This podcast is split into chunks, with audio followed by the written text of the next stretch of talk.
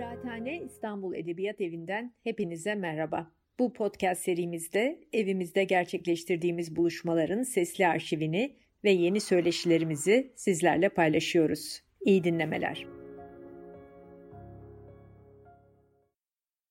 Herkese merhabalar sevgili Kıraathane dinleyicileri. Bugün e, Türkiye'de sanat yayıncılığı, telif sorunu, entelektüel zemin ve sürdürülebilirlik üzerine konuşacağız. Korpus yayınlarının bu etkinliğinde sevgili Merve Akar Akgün, Ekrem Kahraman ve Evrim Altu bizimle birlikte. E, umarım bugün keyifli bir sohbet olacaktır. Çünkü alanında çok önemli isimler bizlerle. E, biraz telif meselesine bakacağız. Biraz entelektüel zeminde neler oluyor onu konuşacağız biraz da sürdürülebilirliğin e, sanat yayıncılığındaki önemine değineceğiz. E, ben küçük bir giriş yapayım Merve Hanım, dilerseniz sizinle başlayalım. E, standart olarak Türkiye'de sanat yayıncılığının mevca, mevcut durumunu nasıl yorumluyorsunuz? Size çok uzun zamandır çok kıymetli bir dergi olan Art Limited'in e, yayın yönetmenliğinde yapıyorsunuz. Süreç nasıl işliyor? Ne durumdayız şu an? E, söz sizde.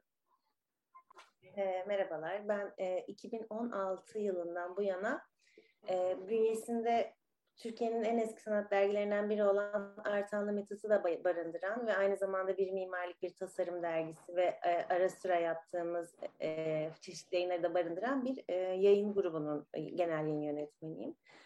E, ve Artanlı Metat'ı yani Artanlı Metat'ı Artanlı Metat'ın 16. senesi yayın hayatındaki. Ve böyle sadece Artanlı Metat üzerinden bile bakarsak bu 16 sene içerisinde çok aslında yol kat ettiğimizi görüyoruz. Yani hala da e, diğer ülkelerle karşılaştırdığımızda Türkiye'de sanat ne kadar gerçekten görülüyor? E, kaç kişi gerçekten takip ediyor? Evet bu sayı daha düşük gözükse de e, biz kendi içimizde hani her sene artan Bienal ziyaretçileri sayısında mesela örnek alarak ya da ben Artan Limited'ın takipçilerinin her gün arttığını bir gözlerimle görüyorum. Yeni yayınlar çıkıyor. O yüzden e, geç bir yerden gelip yol almaktayız gibi görüyorum aslında bu konuda ve umudum var. Ama şu anki durum hakkında çok pozitif şeyler söyleyebilir miyim bilmiyorum ama en azından umudun olması bile iyi bir şey diye düşünüyorum. Ee, buradan hemen Ekrem Bey size bağlanalım. Siz ne dersiniz? Nasıl görüyorsunuz şu anki süreci? Valla bu süreç aslında e, uzunca bir zamandır gelen bir sürecin son son aşaması. Buna bir de pandemi süreci, bu salgın hastalık süreci, toplumsal hayatın alt üst oluşu, yasakların gelinmesi, karantinalar, Türkiye'deki e, düşünce ve sanat yapma özgürlüğünün olanaklarının ne kadar sınırlı olduğunu da bunlara eklediğiniz zaman aslında göz göre göre bir yere doğru geldik ki Merve Hanım e, bulunduğu pozisyonu tanımlarken yani hakikaten şanslı bir pozisyon o.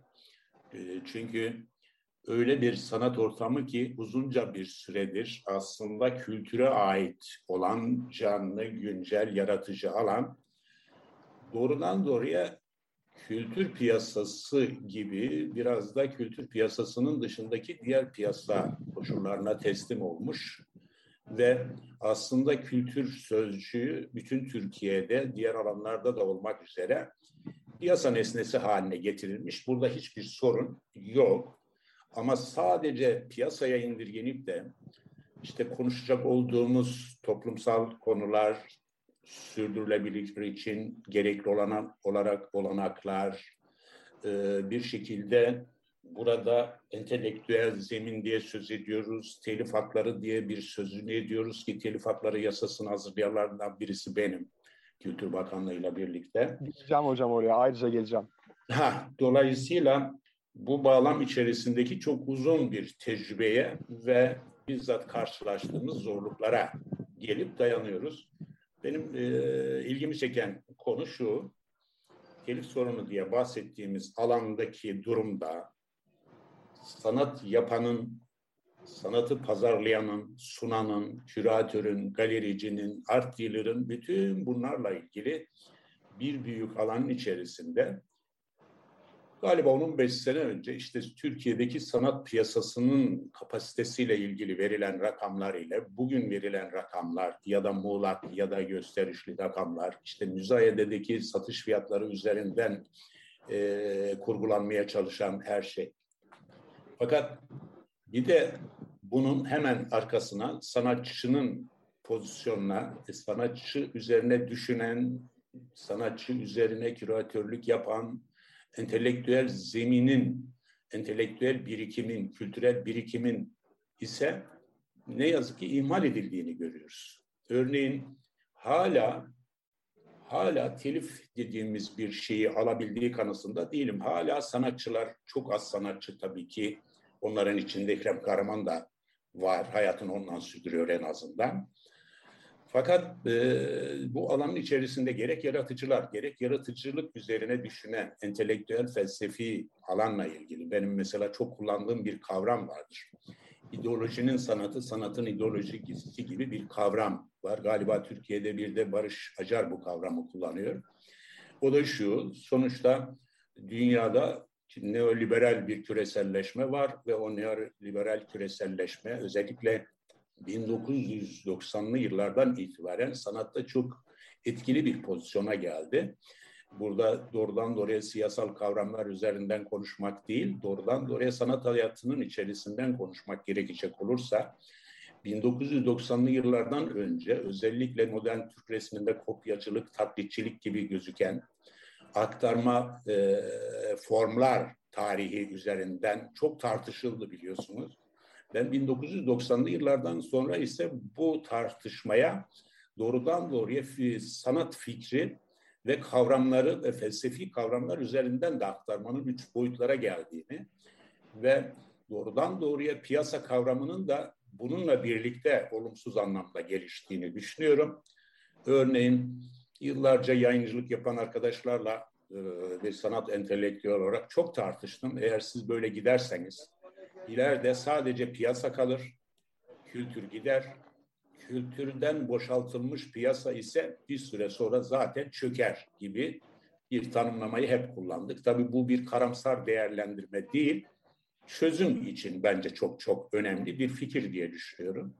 Örneğin biz korpus yayınlarını biz dört arkadaş kurmuştuk. Birisi matbaacı, birisi tasarımcı, birisi sanat yazarı bir arkadaşımız.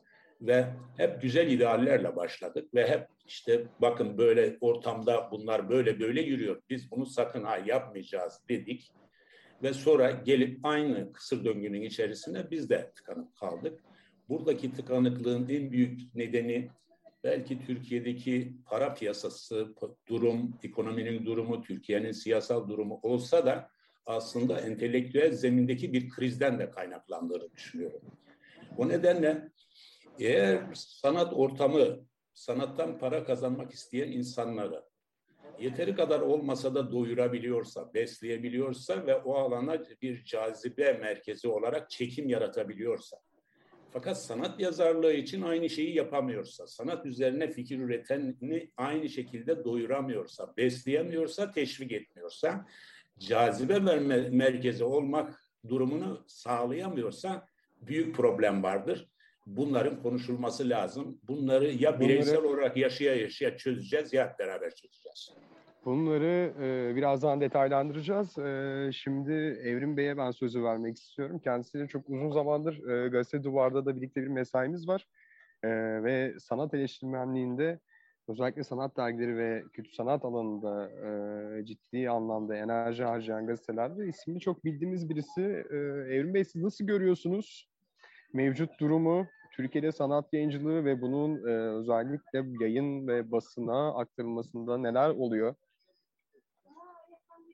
teşekkür. Bu fırsatı sağlayan kıraathane e, ekibine e, özellikle bu e, tartışma konusunda dikkatimi çeken e, şey aciliyet oldu. E, aciliyetin ne olduğunu tekrar tanımladığımız günlerden geçiyoruz.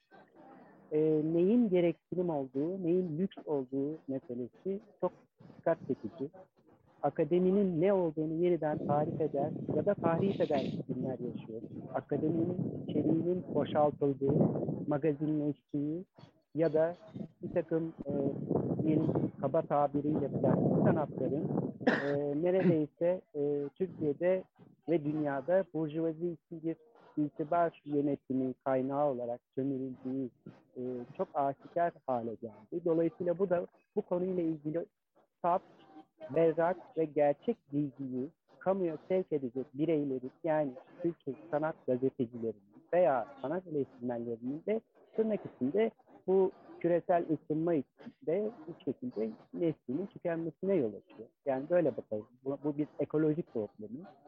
Çok fazla ısıtırsanız ortalığı kimse e, şey yapamaz. Bir, bir, bir, bir hayat belirtisi gösteremez. Gereğinden fazla bir e, ısı verirseniz, e, her şey çok birlik gülistanlık gösterirseniz bence gerçekçilikten kopmuş olursunuz. Bunu en güzel açılan sergilerin içerikleriyle görüyoruz veya projelerin içerikleriyle görüyoruz.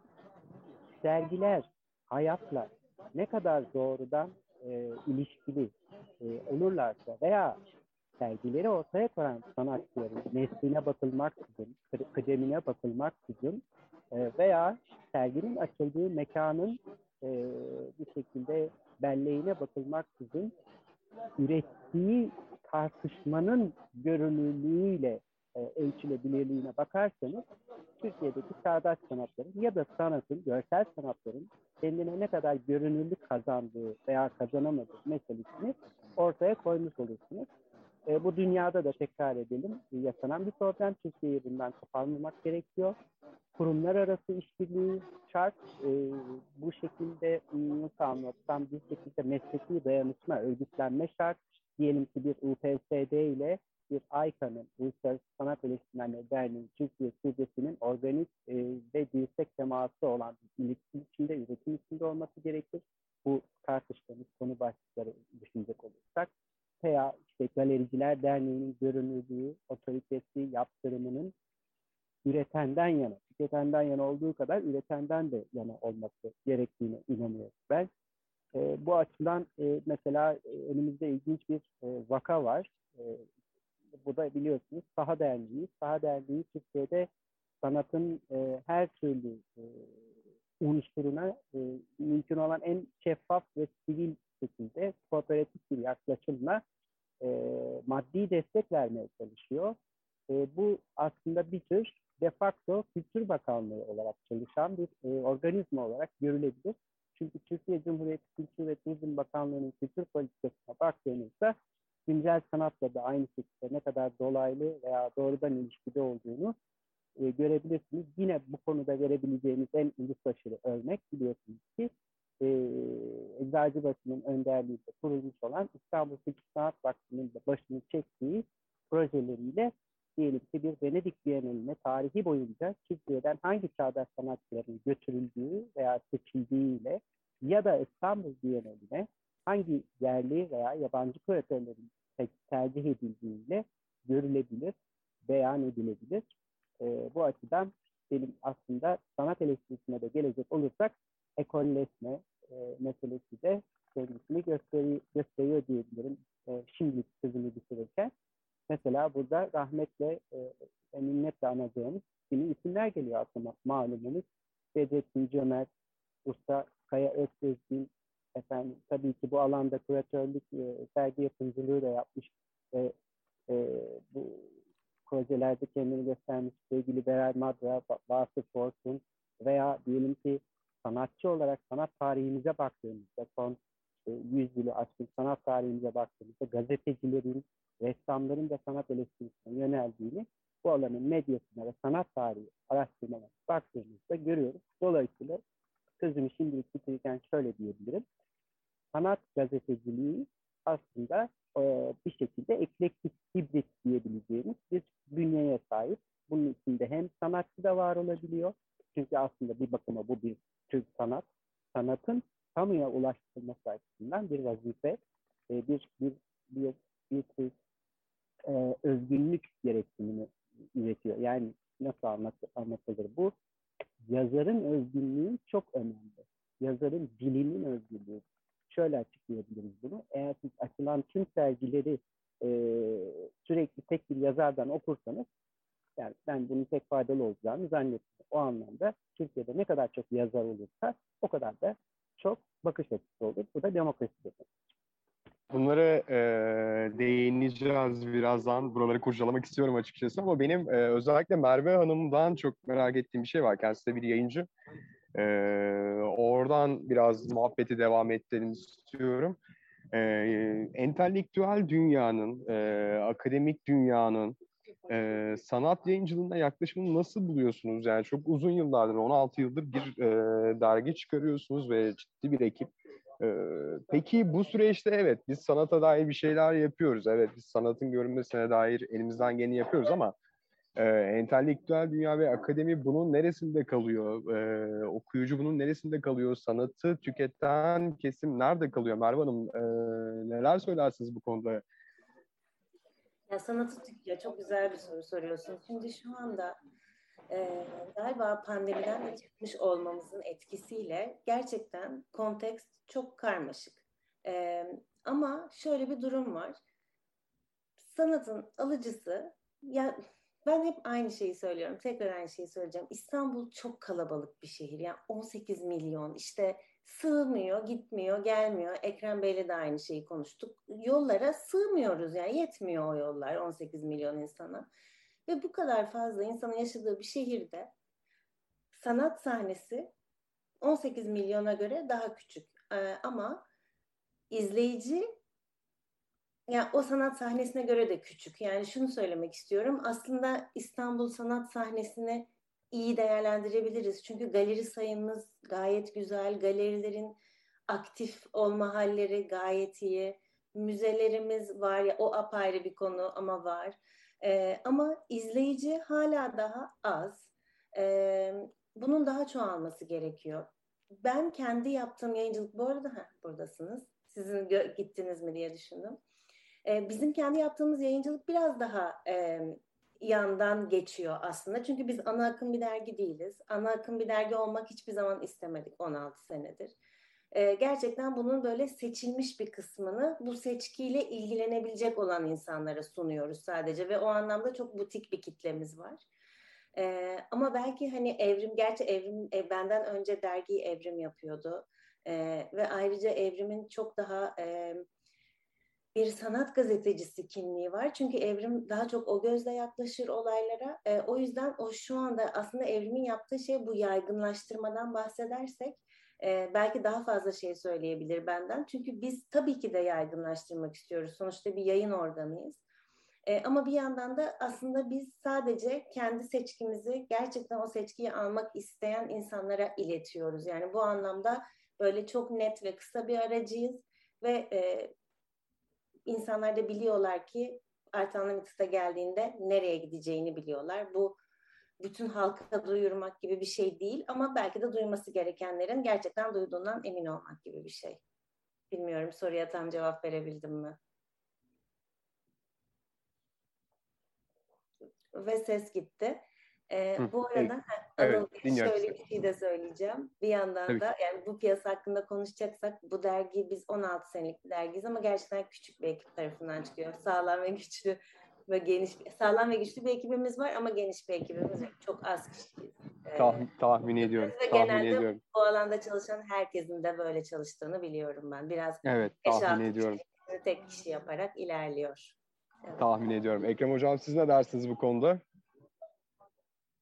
Valla şimdi tabii ki yani e, sadece bizim alanda değil zaten Merve Hanım da söylüyor onu. Yani biz e, ana akım bir dergi değiliz. E, bunu ben e, şöyle okumak istiyorum.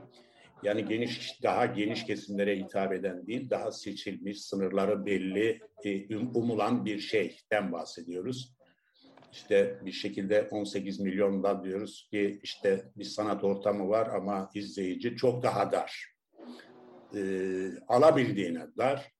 İşte o zaman ana akım olan bir şey olmadığında dergi, dergiler, kitaplar, yayınlar, şunlar bunlar olmadığında yani sanat demin de söylediğim gibi salt izlenen, okunan, görünen, sunulan bir şey, paylaşılan bir şey olmaktan da öteye geçerek sadece piyasaya indirgediğinde bu sefer müşteri pozisyonu ortaya çıkıyor.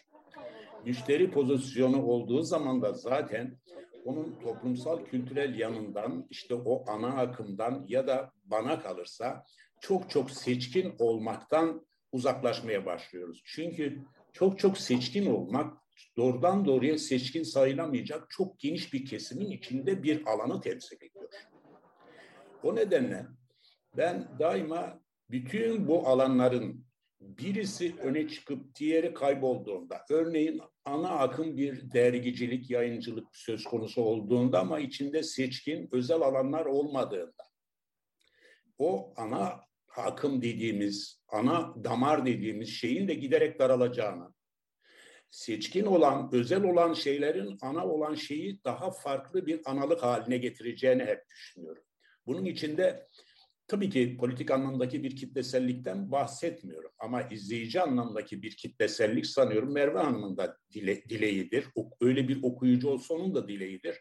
Çünkü tüketilmeyen mal çürür biliyorsunuz özellikle manavlarda ve onları da atarlar. Pazar yerlerinde ise akşam üzerlerine satamadıkları mallarını dökerler giderler.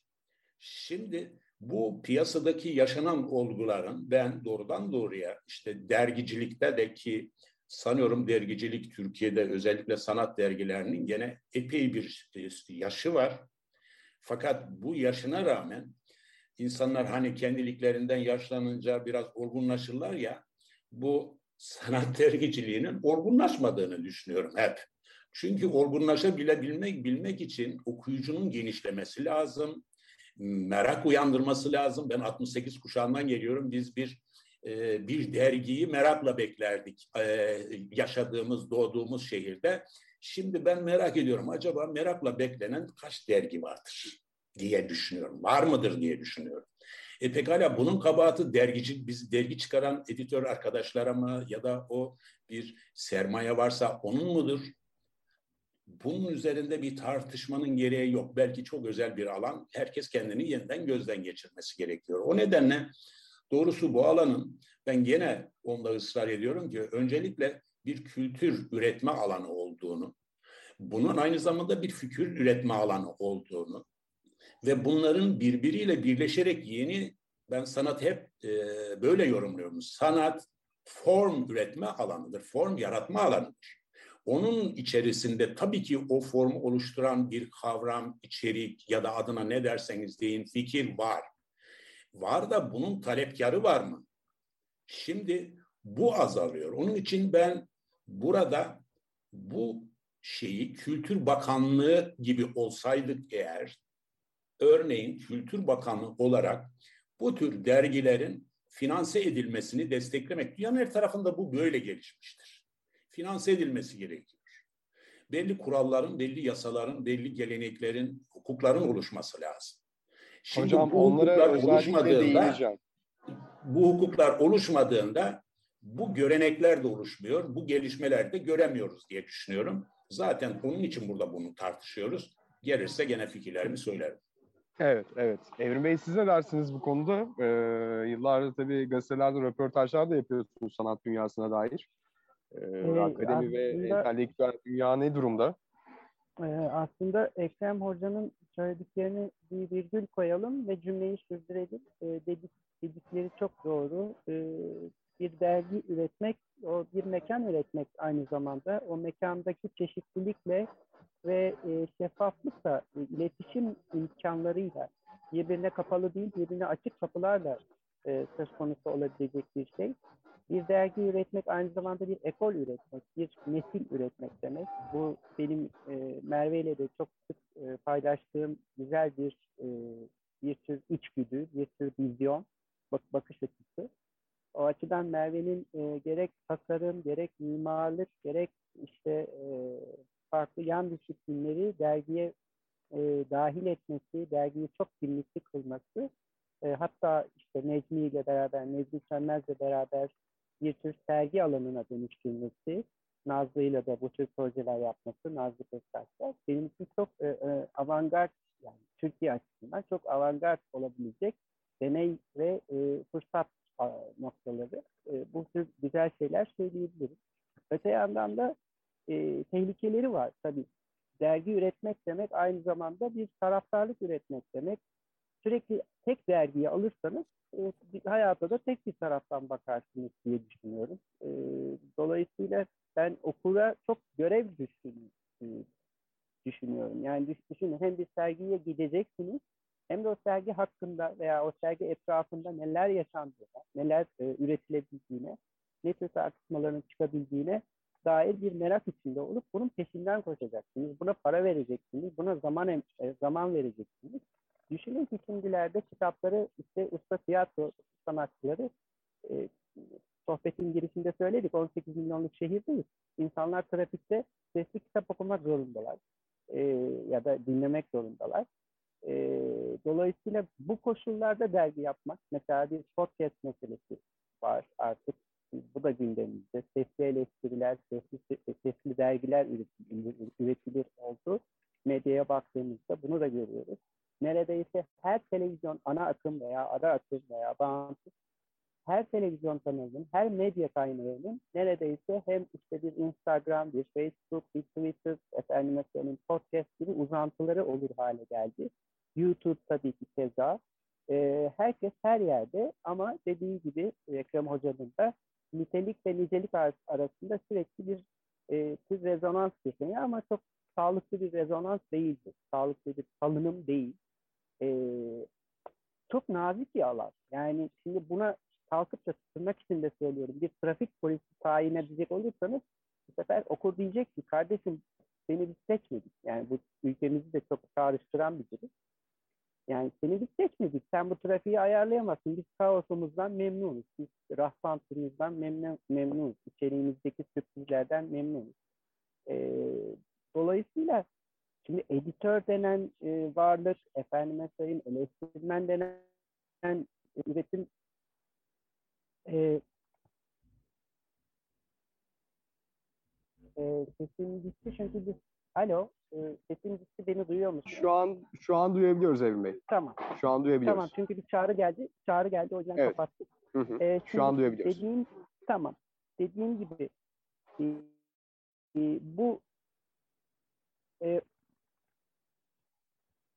pardon tekrar e, dediğim gibi bu şeyi, e, bu bireyi, e, bu trafiği, orkestra şefini, trafiği üretecek, yönetecek orkestra şefini çok iyi seçmek gerekiyor. Neden de diyecek olursanız, e, yayın yönetmeni değiştirdiği zaman, efendim küratör değiştirdiği zaman, e, müze müdürü değiştirdiği zaman bir, bir, bir kültür üretim alanı veya yayın evi bir editör değiştirdiği zaman adeta bir ses tonu değişiyor, bir e, karakter değişimi yaşıyor. Bunu çok doğru sürdürülebilir halde tutabilmek gerekiyor. Yani arkamıza ıı, kuşkuyla bakmadan e, yeni nesli, yeni imzaları o varlığa, o dergiye katmak gerekiyor. Bunun en güzel örneğini ben Varlık Dergisi'nde görüyorum. Gerek tasarımıyla, gerek genç imzaları tanıttıkları fırsatlarla öyle bir virgül koyabilirim. Varlık Dergisi benim için bir timsaldir. Evet, şimdi e, özellikle bu genç yazarlardan e, bahsettik. Biraz da entelektüel dünyanın tavrından bahsettik. Bence çok da önemli olan başka bir nokta var. E, politik ve ekonomik nokta. E, evet. Ben biraz işin bu tarafına bakmak istiyorum. Özellikle telif meselesi Türkiye'de her anlamda ciddi bir kriz ve e, maalesef sanatı da değersizleştiren bir noktaya doğru gidiyor. Merve Hanım'ın ben bu noktada ciddi çalışmalarının olduğunu biliyorum. E, yazarları hep çok memnunlar bu noktada. E, ama tabii ki işin mutfağı, arka planı e, tahmin etmemizden çok daha farklıdır. Çok net bir soruyla gireceğim. E, hem yayıncı, hem yazar, e, hem de sanat üreticisi olarak. Ne noktadayız burada, neler yapıyoruz ve bunun çözümü nedir? Telif sorunu nasıl çözeriz? Şu an Türkiye'deki telif meselesinin sanata ve sanatçıya aynı zamanda eleştirmeni olan e, yaptırımları nelerdir? Ben Merve Hanım dilerseniz sizinle başlayalım. Evet. Buyurun. Ee, öncelikle şunu söyleyeceğim. Daha dün bunu Hüsamettin Koçan'la konuştuk. Oraya bağlayacağım. Ama demin siz konuşurken şöyle düşünüyordum. Şimdi bizim oturumumuzun başlığı e, telif sorunu, entelektüel zemin ve sürdürülebilirlik ya. Ben şimdi şeyi hatırlıyorum. Ben 2016 yılında dergiyi ilk aldığımda ve yenileştirme çabaları sırasında bu üç kelime galiba benim zaten ilk masaya yatırdığım şeylerdi. Ve bu telif sorununun, o, daha doğrusu şöyle ben Artanlı Mitik dergisine daha önceden de yazıyordum zaten. Genel yayın yönetmeni olmadan önce de senelerce yazdım. Ve şeyi hatırlıyorum. Çok çok çok minik bir telif alıyordum. Hatırlamıyorum ama komik bir rakamda aldığım rakam. Ve onlar böyle hani biri ya bir şekilde orada bir kopukluk vardı. Ben gittiğim zaman alıyordum aylar sonra ama böyle hani üzülüyor muydum hatırlamıyorum ya bir hissim vardı ona karşı. Ve o yüzden geldiğinde de bunu böyle toparlamak istedim. Özellikle de basılı yayına çıkacak şeyler. Yani her şey tabii ekonomiye dayanıyor bir yerde maalesef. E, ama bizim için en azından yani dergiye geldiğimizden beri borçların kapanması bir yana ama 2016 yılında basılı dergiye yazacak yazılara 400 lira telif vermiştik. Çünkü hani bunun zaten daha bile iyi olması gerekiyor ama ancak böyle dedik. Ee, sonra zamanla tabii ki şu gerçeklikle yüzleştik. Bir yandan da yalnız şöyle bir süreçten bahsediyoruz. Tabii hiçbir zaman o bağlamdan kopmamak lazım. 2016'dan 2021'e gerçekten Türkiye e, çok sert bir iniş yapıyor ekonomik olarak. Yani her sene bir önceki seneden daha kötü oldu. 2021'de ekonomik olarak 2020'den daha kötü gidiyor. Yani böyle bir dönemde yayıncılık yapmak demek, böyle bir dönemde bütün masraflar ve giderler artarken e, bir yandan bunu döndürmeye çalışmak ve bir yandan da e, telifleri düzgün ödemeye çalışmak demek aslında böyle hani çözümü olmayan bir matematik problemi gibi bir şey. Çünkü matbaa denen şey çok pahalı. E, Türkiye hiçbir şeyi kendi üretmiyor. Her şey ithal olduğu için atıyorum dergilerin balyalarını sardıkları bant bile dolarla alınıyormuş. Yani dolayısıyla bütün bunlar muhteşem bir yükselişte ve bir yandan da e, tabii ki bu düzenekte e, bu düzenekte teliflerin de artması gerekiyor. Bütün bunlar çok zorlu oluyor. E, biz ilanlarla dönen bir yayınız. O yüzden bunun özelinde şunu da biliyorum ki o ilan paralarının da gelme zamanı var. Hemen gelmiyorlar. 3 aylık, 6 aylık süreçlerde geliyorlar. E, o yüzden şöyle düşünüyorum. Bu telif sorununu çözmenin tek bir yolu var. Hakikaten o dergiyi her an sürdürülebilir halde tutup e, insanlara da paralarını ödemek. Bizim dergiyle ilgili tek bir şeyimiz var. En azından yazarlarla arada öyle bir güven bağı kurabildik. E, yazıyı yazdın ve ertesi gün hesabında bu benim hayalim inşallah bir gün olacak. Çünkü böyle olması gerekiyor bence. Ama şu an daha onu yapamıyoruz. Ama en azından hani şeyi de çok iyi biliyorlar. Er ya da geç hani çok geç olmadan bu e, şeyler mutlaka ödeniyor yani. Çünkü hep aynı şey yani. Sonuçta bu içeriği üreten insanlar aslında bu derginin en büyük kıymetli varlığı. Derginin ya da gazetenin veya her şeyin. Ama bir şekilde o insanların emekleri Türkiye'de hep hor görülmüş ve hala da biraz hor görülmeye devam ediyor. Çünkü şunu çok biliyorum. Aman yazar bir şey. Hani yazsın bir şey. Nasıl olsa okumayacak ya da dikkat etmeyecek orada yazılan şeye ve onu para vermeden de halletmeye çalışıyor gibi. Bu tip hikayeler hala daha var. Ya da e, çok te, bu konuda bizim yazarlarımızdan da birkaç tanesi çok çalıştılar. Özellikle Ayka'da da bu teliflerle ilgili hani şu teliflerin altına yazılmıyor, onlar belirlendi falan. Bunun, hakikaten çok emeği e, eğenen insan oldu ve bir noktada insanlar isyan ettiler doğal olarak. Ama bunun güzel de geri dönüşleri oluyor. En azından hakikaten şu değişti. Bunu çok gözlemliyorum. Artık insanlar oturumcu olarak çağırdıkları zaman da bir telif veriyorlar. Herkes olmasa da ben birçok yerde karşılaşıyorum ya. Yani. Çünkü o hani çok en ufak bir teşekkür aslında. Çünkü bunun da bir ekonomik karşılığı olması gerekiyor. Ben bunun zamanla oturacağına inanıyorum. Çünkü bu konuda bir farkındalık kesinlikle oluşuyor. Ayrıca bizden sonra gelen jenerasyonlar da bana sanki bu konuda daha yırtıcı olacaklarmış gibi geliyor. Çünkü onlar hiçbir şekilde ben galiba hani o ruhunu köle olarak e, kullanmaya hazır olan jenerasyonların sonundan sonundan geliyorum 84'lüyüm. E, ve bundan sonraki benden en azından sonraki insanların hani kesinlikle tamam ya ben deneyim için ne olsa yaparım deniyorlar gibi geliyor bana. O yüzden de bu konudaki farkındalık gittikçe yükselecek gibi hissediyorum. Ee, Evrim Bey ben buradan size bağlanmak istiyorum. Ee, çünkü uzun zamandır e, siz sanat işleri yazıyorsunuz farklı farklı mecralarda. Radikal Cumhuriyet e, Gazete Duvar yazdığımız gazetelerden birkaçı. E, bu telif meselesindeki krizi en canlı kanlı hissedenlerden birisiniz. Nedir süreç? Nasıl aşılabilir bu? E, hem kurumların hem de yazarların yapması gereken şey nedir? Bunu basit bir mukayeseyle e, yanıtlayabiliriz. E, diyelim ki bir sanat eseri, e, sadece tek bir sanat eseri üstüne konuşmaya çağrıldınız. Sergi bile demiyorum. Tek bir yapıt üstüne.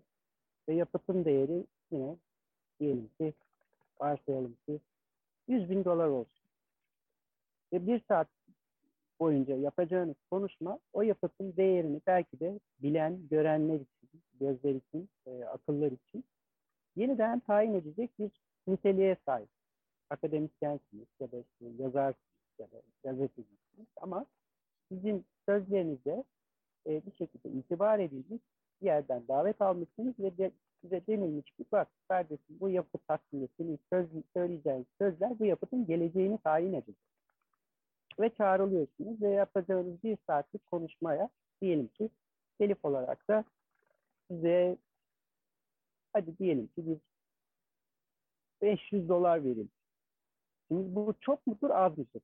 Yani işin mukayesesine maddi olarak buradan baktığımızda çok komik bir görüntüyle karşılaştığımıza ben inanıyorum. Bunun en güzel spekülatif aynası da mesela müzayedelerde kendini gösteriyor. Bir yapıtın ya da bir sanatçının uluslararası ya da yerel ölçekte medyaya ne kadar yansıyor olduğu, kamuya ne kadar mal olup, ol, olup olmadığı o yapıtın doğrudan tırnak içinde söylüyorum e, borsasına e, bir şekilde e, yankılanıyor. Dolayısıyla orada da bir tür hakikat borsası söz konusu oluyor. Bildiğimiz türde müzayedeler değil ama işte kültür sanat e, medyasına baktığımızda e, günlük özellikle periyodik basına baktığımızda sürekli bir sanatçıdan konuşulduğunda ya da o sanatçı uluslararası bir paye aldığında mesela bu bir burs olabilir, bu bir çağdaş sanat ödülü olabilir ya da bir kariyer sergisi olabilir. Bunlar hep bir bir artı değer yaratıyor. O yapıt üzerinde, o sanatçı üzerinde, o imza üzerinde, hatta o galeri üzerinde veya o ülke üzerinde bir tür itibar yaratıyor. Dolayısıyla ben burada iki ayrı alana bakıyorum. Bir özel sektörün çağdaş sanatın ne kadar sahiplendiği ve nasıl e, bunun bireylerini senkronize ettiği veya yan, e, sahiplendiği yani burada ne kadar sansürlü, sansürsüz olup olmadığı, ne kadar teşhis isimli davranıp davranmadığı, e, ne kadar öngörülebilir isimlere destek çıkıp çıkmadığı, bunlar çok belirli şeyler. E, diğer tarafta da tabii resmi olarak e, işte hükümetlerin kültür sanat e, politikalarına bakıyoruz. Burada ne kadar ideolojik davranılıp davranılmadığı, ne kadar tarihte ileriye mi, geriye mi dönük hareket edilip edildiği, edilmediği meselesi. Diyelim ki bir, bir, bir, bir devlet e, kendini dünyaya sürekli geçmişiyle pazarlıyorsa, geçmişiyle promote, yani İngilizce derler ya, e, tanıtmaya çalışıyorsa, e, bu bir duruştur, bu bir tavırdır ve bence tartışılması gerekir. Ama yine başka bir devlet kalkıp, kalkıp da kendini dünyaya bugünüyle ve yarına bakışıyla e, ve işte bunun ürettiği demokratik e, ifade özgürlüğüyle e, belirlemeye, kanıtmaya çalışıyorsa bu da bir duruştur. Dolayısıyla bunu da konuşmak istedik. Bunun en güzel sadece e, son örneklerinden birini bir tür reenkarnasyon diyebileceğimiz, yeniden doğuş diyebileceğimiz Atatürk Kültür Merkezi'nde görüyoruz. Hocam gayet iyi bilecektir. Atatürk Kültür Merkezi Türkiye'nin hem ideolojik hem e, entelektüel hem de e, e, işte diyelim ki kültürel e, kavşak noktasıdır. Mimarisiyle, tanık olduğu olaylarla, e, o meydana nasıl baktığı ve bakamadığıyla, o meydan, e, cephenin nasıl kullanıldığı ve kullanılamadığıyla, 1 Mayıs pankartlarından Gezi pankartlarına, başına neler gelip gelmediğiyle, Atatürk Kültür Merkezi'nin bugün neden var edildiği, yeniden var edildiği ve bugün karşısında neyin olup olmadığına baktığımız bütün bunların hep birbirine değdiğini görüyoruz. İstanbul bu konuda çok ciddi bir laboratuvar gibi. Aynı anda geçmişimizde, geleceğimizde fıkır fıkır hareket halinde olduğu bir tür kültürel fay hattı aynı zamanda. Ne zaman başımıza ne geleceği belli olmuyor. Yine bunun en güzel örneği Haydarpaşa'da gördük. Nasıl kazanacağımızı, elde edeceğimizi, nasıl yeniden değerlendireceğimizi Haydarpaşa Gardini altında sürekli birbirimizle tartışta dururken bir de baktık ki oradan e, biliyorsunuz arkeolojik buluntular çıktı. Şimdi orası bambaşka bir e, kimliğin eşiğinde. Tıpkı işte sanırım Güneydoğu'da bilirsiniz yine yarı otel, yarı müze olarak değerlendirilen bir alan vardı. Onun buyurun. Toplumsal hafızayı ve mekan ilişkisine gireceğim ama çok güzel bir yere değindiniz. Özellikle bu e, sivil kuruluşların ve bir yanıyla kamunun e, sanatla olan ilişkisine dair. E, ben sizden aldığım pası Ekrem Hoca'ya iletmek istiyorum. Hocam e, nasıl görüyorsunuz kamunun e, sanat üzerindeki e, çalışmalarını bir yandan tabii sivil sermaye de bu işin bir tarafını oluşturuyor. E, bu süreci nasıl görüyoruz? Yeterli mi? Yeterli olması için ne yapmak gerekiyor? Tabii çok söz çok söz var e, söylenecek. Ben bir köylü çocuğu ve küçükken çocukken şunu duyuyordum. İşte gencecik bir hanım doğurmuş ama sütü yokmuş. Bu sefer onun sütü olabilmesi için işte bir şey anne buluyorlardı, onu o, o emziriyordu falan filan. Yani sonuçta çocuk bebek sütü emmek zorunda. Yani alan eğer bir süt üreten bir yer varsa bizim alan emsal olarak söylüyorum. O sütün bir şekilde kişilere ulaşması lazım. Alana ulaşması lazım. Sanata ulaşması lazım. Sanat üzerine fikir söyleyene, fikir üretene ulaşması lazım. Şimdi ben gene aynı şekilde galiba 90'lı yıllarda e, İstanbul'da dört tanınmış galerici sanatçılarıyla ilgili bağlayıcı ortak kararlar alıp sanatçılara dahil sormadan e, bir uygulamayı kendilerine bağlı sanatçı grubuna karşı bir uygulamayı dayatmışlardı ve biz de UPS'de Hüsamettin Koçan'la falan e, böyle bir şeyde bir panel düzenlemiştik ve ben de sanatçılar adına konuşan karşımda da dört galerici vardı. Üçü beni tehdit etti. Örneğin bak sen şimdi böyle böyle ama ha falan filan gibilerden yap, yaptılar. Fakat ben orada da hep aynı şeyi söylüyorum.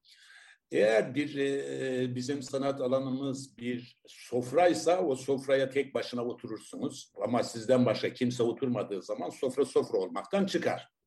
Bu piyasa kavramıyla birlikte değerlendirildiğinde gene gelip aynı noktaya koyuyoruz. Tabii ki şimdi bir kere şunu iyi görmemiz lazım. Evet bir sanat yapıtının fiyatı diyelim ki 100 bin dolar. 100 bin doların içerisinden alıp da 500 lirayı bile vermekten kaçınan bir ortam varsa eğer ya o sanat eseri 100 bin dolar değil ya da 500 dolar değil de sözü edilen rakam gerçekten de çok trajikomik bir rakam. Yıllar önce yine sonuçta evrim evrimle galiba bir söyleşi de yapmıştık değil mi biz evrim? Doğrudur. Tabii şimdi ben de ben şuna bakıyorum. Demek ki ortada bir para olması lazım. Çünkü ister yazar, ister genel yayın yönetmeni, ister küratör, editör ve sanatçı. Bunlar bir şekilde para olmadan o alandaki o ideali olsa dahi belli bir süre para almadan, para cebine girmeden, ihtiyaçlarını karşılayabilecek bir dünya kurmadan o alanda var olmaya devam edemez. O zaman sürdürülebilirlik kavramına geliyoruz ki sanıyorum onu da konuşacağız. O zaman ne yapmak gerekir meselesi çok önemli. Ben çoğu sanatçı arkadaşımla bakın galericilerle böyle tartıştım hem de çok sert tartışmaydı o. Fakat aynı şeyi sanatçılarla da tartıştığımda aynı şekilde sanatçıların da galericileri ya da bir şekilde birlikte çalıştığı yazardır, küratördür, sanat eleştirmenidir ya da doğrudan bir tanıtım yazarıdır. Onların da para almaları gerektiğini, telif hakkı olarak bunun alınması gerektiğini söylediğimde öyle mi? Yazdığı yazı için para mı vereceğiz dediğini ve bunun en az 10 yıllık bir e, sanat ortamının içerisinde sık sık yaşadığımızı ve hala da bunun böyle olduğunu çok iyi biliyorum. O zaman ben onlara şunu söylemiştim. O zaman sen acaba bir sayfa büyüklüğündeki, defter sayfası büyüklüğündeki bir desenini bile parasız veriyor musun? Niye vereyim ki? Niye yazsın?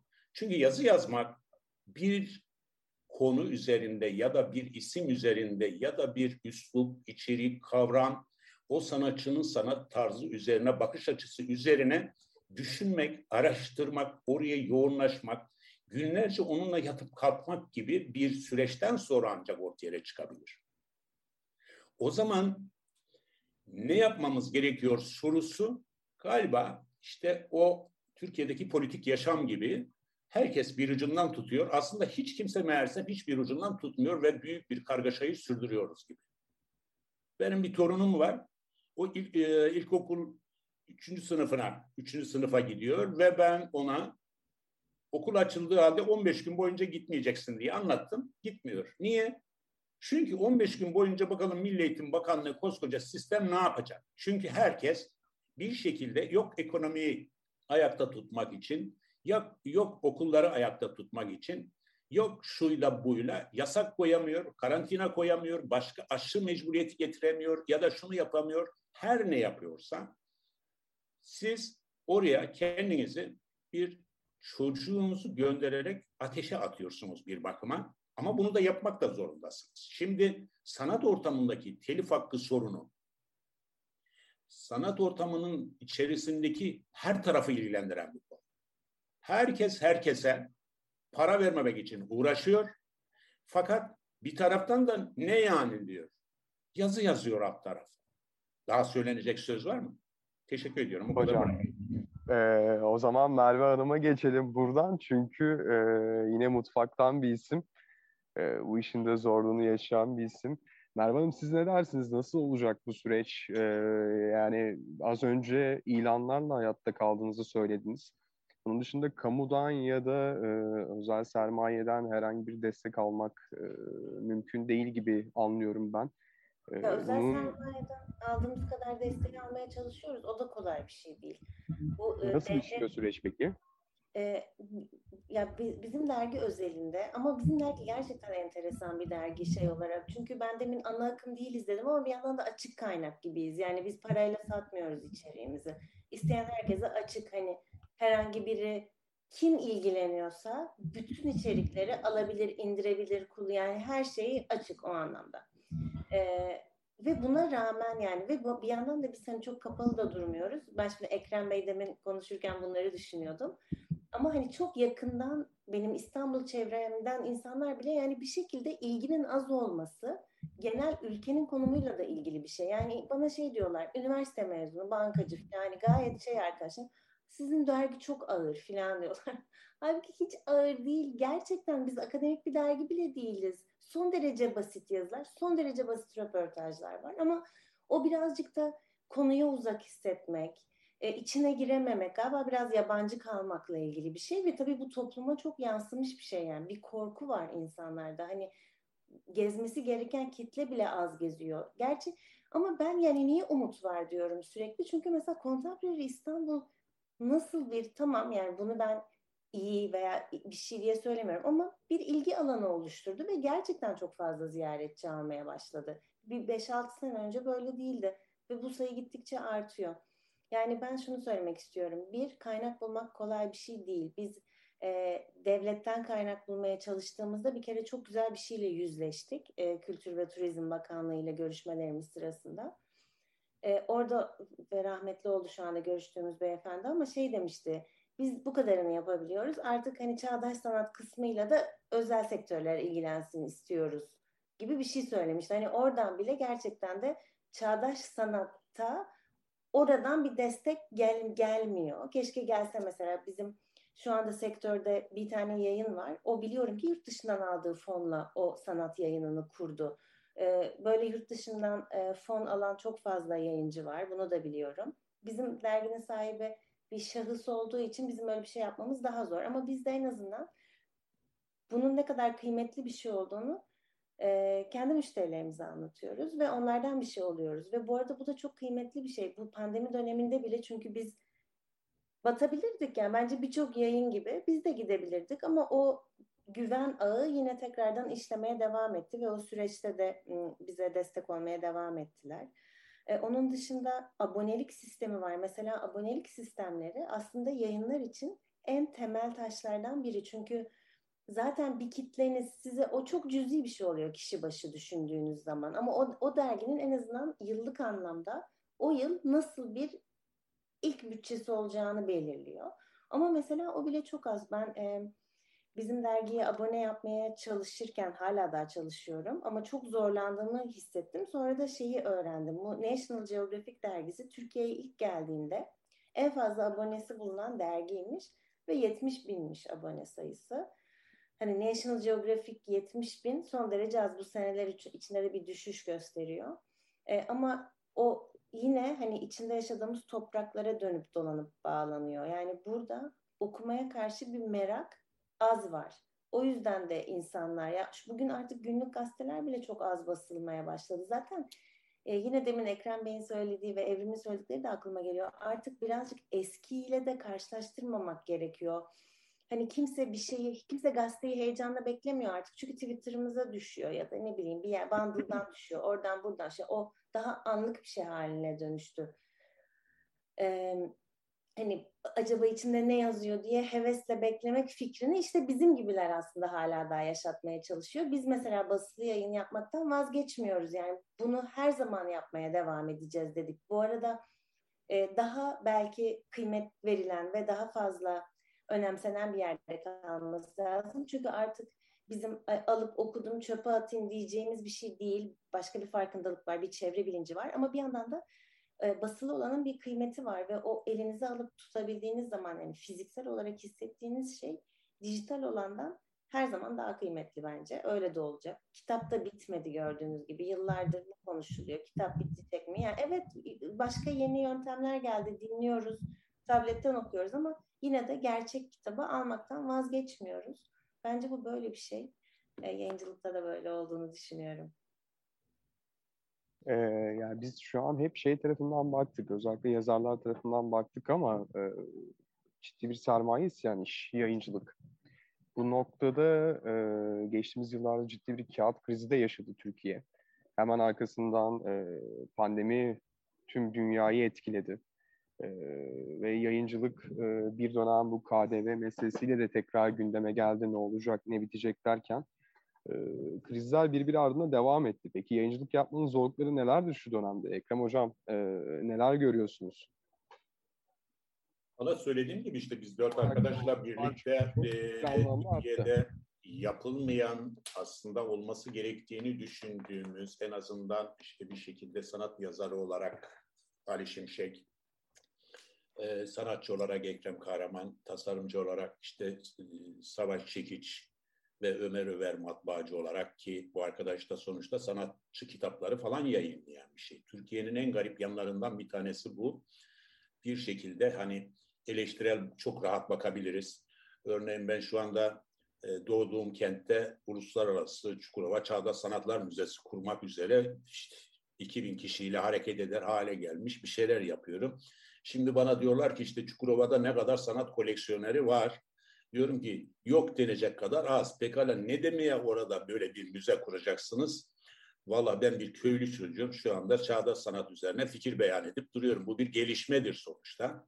O nedenle zaman zaman söylüyorum işte Ekrem Kahraman okuma yazma bilmeyen işte Ali Fakı'nın oğlu, işte Cennet Hanım'ın oğlu ama Şeker Ahmet Paşa'yla birlikte zaman zaman ismi de yan yana geçiyor.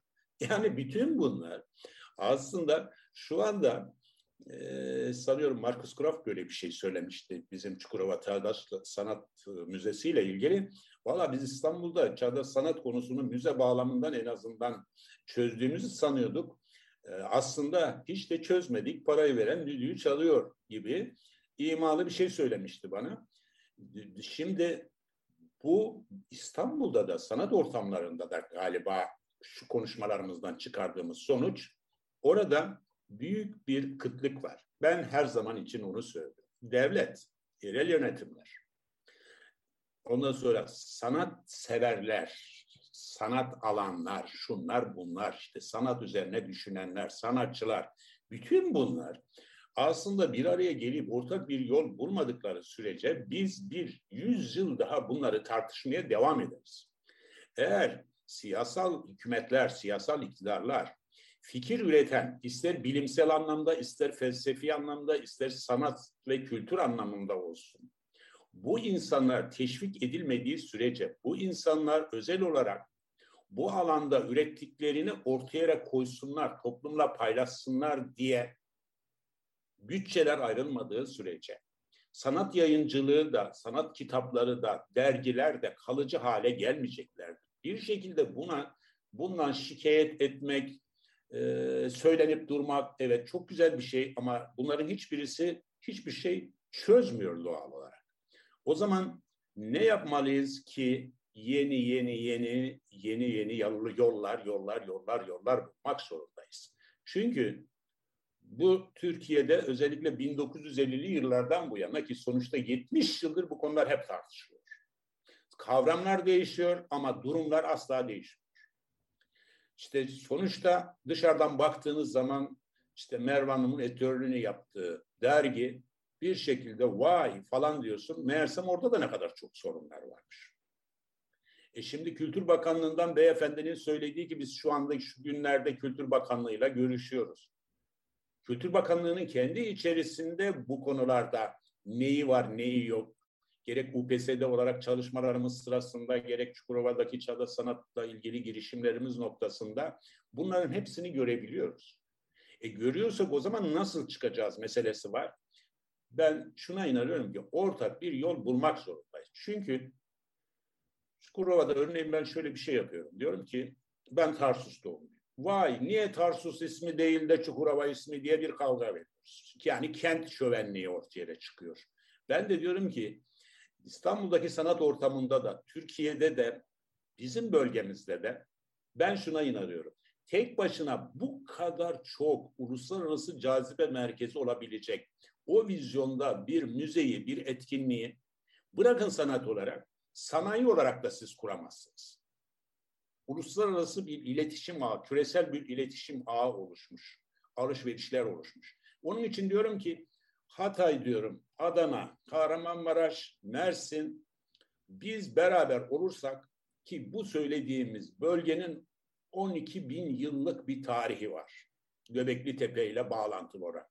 Bu sefer arkeologlar diyor ki vay nasıl 12 bin yıl diyorsunuz. Ben de diyorum ki ben derim, ben yorum yapıyorum. Tarihi okuyorum, felsefeyi okuyorum, siyasal hayatı okuyorum, mitoloji okuyorum, onu diyorum. Ama siz keşfettiğinizi söylersiniz. Ama onlar keşfetmeden asla bir şey söylendiği zaman da vay feryat ediyorlar. Niye? Çünkü felsefeyle iç içe düşünülmemiş bir sanat tarihçisi ya da arkeolog dünyası var. Nasıl oluyor da Göbekli Tepe'de bir şekilde 12 bin yıllık tarih diyorsunuz ve insanoğlunun en eski tarihi diyorsunuz. O zaman Suriye'deki bilmem ne kenti, Filistin'deki Çörökö kenti de 12 bin yıllık tarihe sahip. Yani evet, bir propagandadan öteye gitmiyor. O nedenle bütün bunlar büyük bir alan. Bu alanı galiba Kültür Bakanlığı'yla yerel yönetim, yerel yönetimlerin hangi vizyonu var kültürle ilgili, sanatla ilgili? Ben Hocam, muhtemel gelecek ütopyası göremiyorum açıkçası. Bunun bu, için bu tarafa bu tarafa sürdürülebilirlik kısmında geleceğim hocam. Buraya dair sorularım var. Ama ben de oraya o zaman geniş, bırakıyorum. Evet, daha geniş orada e, söyleyeceklerinizi merak ediyorum. Şimdi aslında Evrim Bey'in e, yine çok yakından bildiği bir yere e, doğru evrilmek istiyorum ben. E, Türkiye'de sanat eleştirmenliği e, malum bir yanıyla telif krizi, bir yanıyla e, başka denklemlerden dolayı çok zor. Ve e, ben bunun bir noktada sanatın eleştirisinin e, yok olmasına sebep olabileceğini düşünüyorum ve o bizim e, işte üç saç ayağına oturttuğumuz sanat eleştirisi ve üret tüketicisi noktasında bir yerlerin eksik kalacağına e, sebep olabileceğini düşünüyorum. E, Evrim Bey bu konu hakkında ne söylersiniz? Bu süreç e, nereye doğru gidiyor? Bunu revize etmenin, daha iyi bir hale getirmenin yolları neler? Evet az önce telifi konuştuk ama başka bir nokta daha var. E, bu üçlü denklemi tekrar bir araya getirmek nasıl mümkün olacak?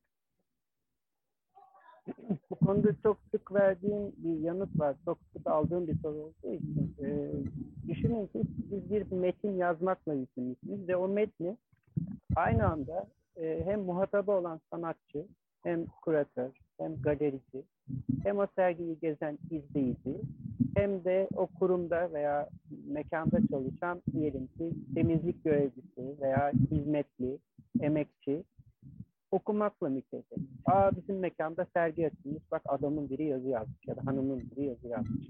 Düşünün bu metnin üstünde ne kadar büyük bir ağırlık var, ne kadar büyük bir sorumluluk var. Bu metni bir de yanına başka bir metin koyun. O da bir halkla ilişkiler şirketinden gönderilmiş oldu. Aman suya suya sabuna dokunmayayım. Aman hiçbir yerinde kırık çıkık olmasın. Aman yanlış hiçbir şey olmasın. Üstüne bir virgül dahi eklenmesin. İçinden tek bir soru işareti bile ayıklanmasın, çıkarılmasın. Bir vesveseye, e, işte spekülasyonu e, yol açmasın. E, sağlam bir metin olsun. Yani bu neye benziyor? Bir lokanta açıyorsunuz ama müşteri gelmese de olur demek gibi bir şey. Şimdi dolayısıyla sanat yazarlarının veya gazetecilerin baş başa kaldıkları en büyük e, çelişkilerden biri bu oluyor. Yazmakla mükellef olduğumuz metni hadi bıraktım kendimiz için yazmayı, hadi bıraktım muhatabı olduğumuz sanatçı dostumuz adına yazmayı. Yani bu e, hedef kitlenin hangi birinin içinden ayıklayıp hangi öncelikle, hangi aciliyetle yazmakla mükellef. Düşünün az önce Merve çok güzel özetledi. Sezon başladı. İnsanlarda bir pandemi sonrası açlık var. E, e, işte İstanbul'da diyelim ki yuvarlak hesap 25 ila ne bileyim 35-40 sergi açıldı açılacak. Böyle bir durum yaşıyoruz. Ve siz bir sanat yazarı olarak bunlardan bir tanesini alacaksınız. Diyeceksiniz ki bak kardeşim bu diğerlerinden önceliklidir. Bu diğerlerinden önemlidir. Ya da bu değerlerin yanında başka bir şey söylüyordur. Dolayısıyla hakikaten çok zor bir durumda baş başa kalıyorsunuz. Tekrar altını çiziyorum ve sözü diğer konuşmacılara devredeyim. Tekrar altını çiziyorum. Bu konuda yaşadığımız en büyük yorgunluk, mental yorgunluk ve vicdani yorgunluk bu alanda üretilen, iyi niyetle de olsa üretilen halkla ilişkiler şirketlerinin ürettiği basın bültenleriyle kendini gösteriyor. O zaman ne oluyor? Eleştirmen de ne yazık ki, hadi adını koyalım, bir tür otosansüre başvuruyor. Bir tür içine dönük e, metin üretmeye başlıyor. Bu da metni aşırı soyutlaştırıyor. Hatta en kaba tabiriyle aşırı entel bir dil üretmeye başlıyor. Ya da sadece sanatçının anlayabileceği yoğunlukta ve yorgunlukta bol bir nokta bir metin üretmeye başlıyor hep benim başımdan beri e, sürdürmek istediğim, hep sürdürülebilirlik diyoruz ya, sürdürmek istediğim şey de buydu. Bu e, mefhumu, çağdaş sanat veya sanat dediğimiz mefhumu e, sokağa çıktığımızda tanımadığımız, hiç tanımadığımız, tanımadığımız bir izleyicinin hayatına nasıl sevk edebiliriz? Ben hep bu basit sorunun peşinden koştum. Çünkü insanların eşitliğine e, inanıyoruz. Bu kadar basit. Merve Hanım ben burada e, bir biraz daha Evrim Bey'in e, sanat eleştirmenliği noktasından başka bir yere daha taşımak istiyorum. Aslında tabii ki sanat eleştirmenliğine ek olarak. E, özellikle bu telif sorunuyla birlikte sanat eleştirisi ve sanat üzerine kritikler yazan insanlar bir yerden sonra e, sanat kurumlarının kataloglarını yazan insanlar oldular ve bence eleştiriyle e, o katalog yazımı arasındaki o ince çizgi kaçtı gibi geliyor. E, tabii ki burada yazan kişilere karşı e, bu ekonomik ve politik konjöktürde eleştirel yaklaşmayı açıkçası doğru bulmuyorum ama anlamaya da çalışıyorum. Siz bu konu hakkında ne düşünüyorsunuz? Gözlemleriniz neler? E, sanat eleştirmenlerinin bir yerden sonra katalog yazmasının e, doğru olduğunu düşünüyor musunuz? Ya da e, bu ince çizgi nerede başlar, nerede biter? Evet gerçekten çok ince bir çizgi ve sadece sanat sektörüne de özgü değil. Her her sektörde böyle zor çizgiler var ve bu insanın insan oluşuyla alakalı bir şey. Yani kendi etik ve ahlak değerleriyle ilgili bir şey en başta. Zaten bunları kaybetmiş biri ise hepsini kaybetmiş oluyor. Yani e, şöyle bir şey bizim başımıza geldi. Bence bu fena bir örnek değil. E, basın toplantısına davet edildik bir Fikret Mualla sergisi için İzmir'de e, ve üzerine çok kötü bir yazı yayınladık. Şimdi bu böyle ama böyle olması gerekiyor aslında ama işte bunu çok az kişi yapabiliyor bir yandan da. E, iki şey var. Birincisi küçük olduğu için piyasa şöyle bir korku var. Eyvah hani orası büyük bir kurum. Şimdi orası beni etiketlerse bir daha bana iş vermez. Ya yani böyle şeyler çok oldu. Çünkü sergiyi beğenmedim diyor bir yazarım ve inanılmaz güzel şeyler söylüyor niye beğenmediğine dair. Hadi yaz diyorum ya yaz bunu. Yazamam, uğraşamam. Sonra belki orada bir sergi yaparım diyor üzerine. Çünkü bu kendine güvensizlik hani bir kişisel sebepleri olabilir e, ama bir yandan da şöyle bir korku da var. Gerçekten bu işten e, para kazanmak ve hayatınızı sürdürmek istiyorsanız çok geniş dediğinde demin de konuştuğumuz gibi yani çok fazla opsiyon olan bir şey yok ama bu opsiyonlar gittikçe genişliyor gibi görüyorum ben. E, yanlış mı görüyorum Evrim? Yani sanki bu konuda artık süper olduk demiyorum ama daha iyiye gidiyoruz küçük adımlarla da olsa. İnsanlar bu konuda biraz daha hassaslaşıyorlar. En azından bu e, Aykan'ın telif meselesi bile pek çok kurum tarafından gerçekten ciddiye alındı. E, bu konuda ciddi emek sarf ediliyor. Bir anda her şey harika olmayacak. Çünkü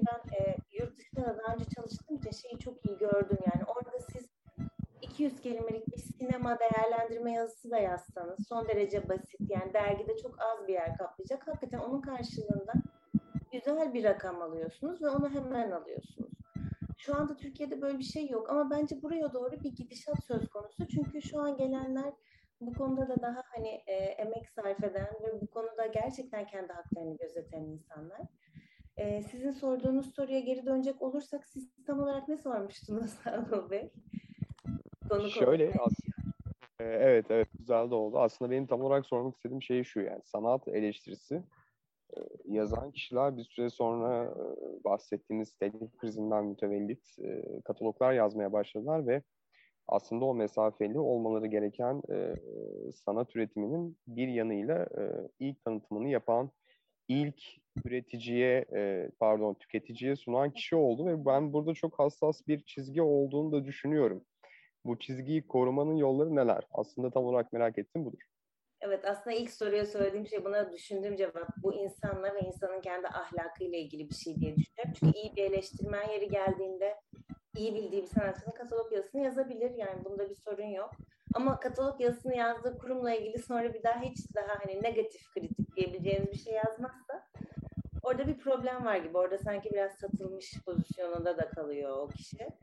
Ee, yani insanda bitiyor diye düşünüyorum ben bu. Hakikaten inşallah bizi yöneten insanlar da, beraber çalıştığımız insanlar da hepsi güzel ahlaklı insanlar olsunlar. Yani bu böyle olmadığı sürece hep böyle parazitler olmaya devam edecek var yani şu anda da olduğu gibi. Ekrem Hocam siz nasıl görüyorsunuz?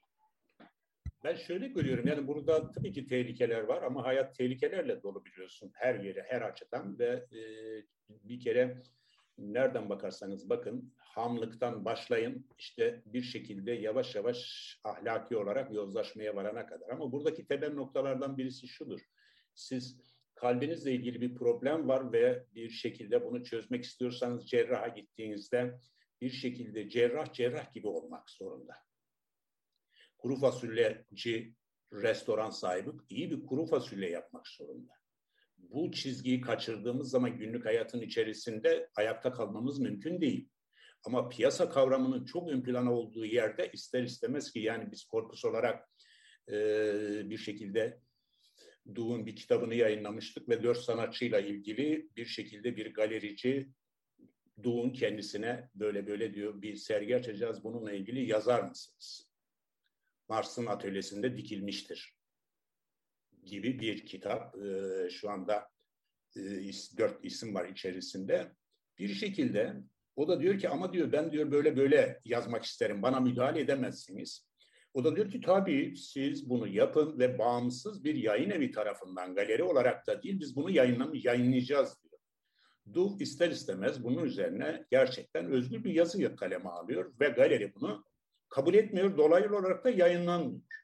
Nice yıllar sonra bu konu bir gelişmeyle birlikte, gelişme dediğimiz şey de şu, Nasrettin Hoca'nın eşeğini yitirip bulup sevinmesi gibi biz yeniden hakikate ve gerçekliğe, entelektüel birikime, kültüre dönmek zorundayız. Ben ısrarla bundan yanayım. Çünkü bir cerrah nasıl ki kalp ameliyatı yapacaksa ona para verip de ya benim kalp ameliyatımı şöyle şöyle yap diyemiyorsak yapıldığı zaman da zaten o kalp ameliyatı olmuyor ise Burada acaba Merve'nin de söylediği gibi ahlak meselesi midir söz konusu olan? Yani çok değerli bir şeyimiz var ve onu ahlakımızı bozup para alıp o şekilde yazacağız gibi bir yol açıldığı zaman ki şu anda bütün dünyada çok ciddi kurumlar bile siyasal olarak, toplumsal olarak, ekonomik olarak birçok oyunu oynuyor zaten.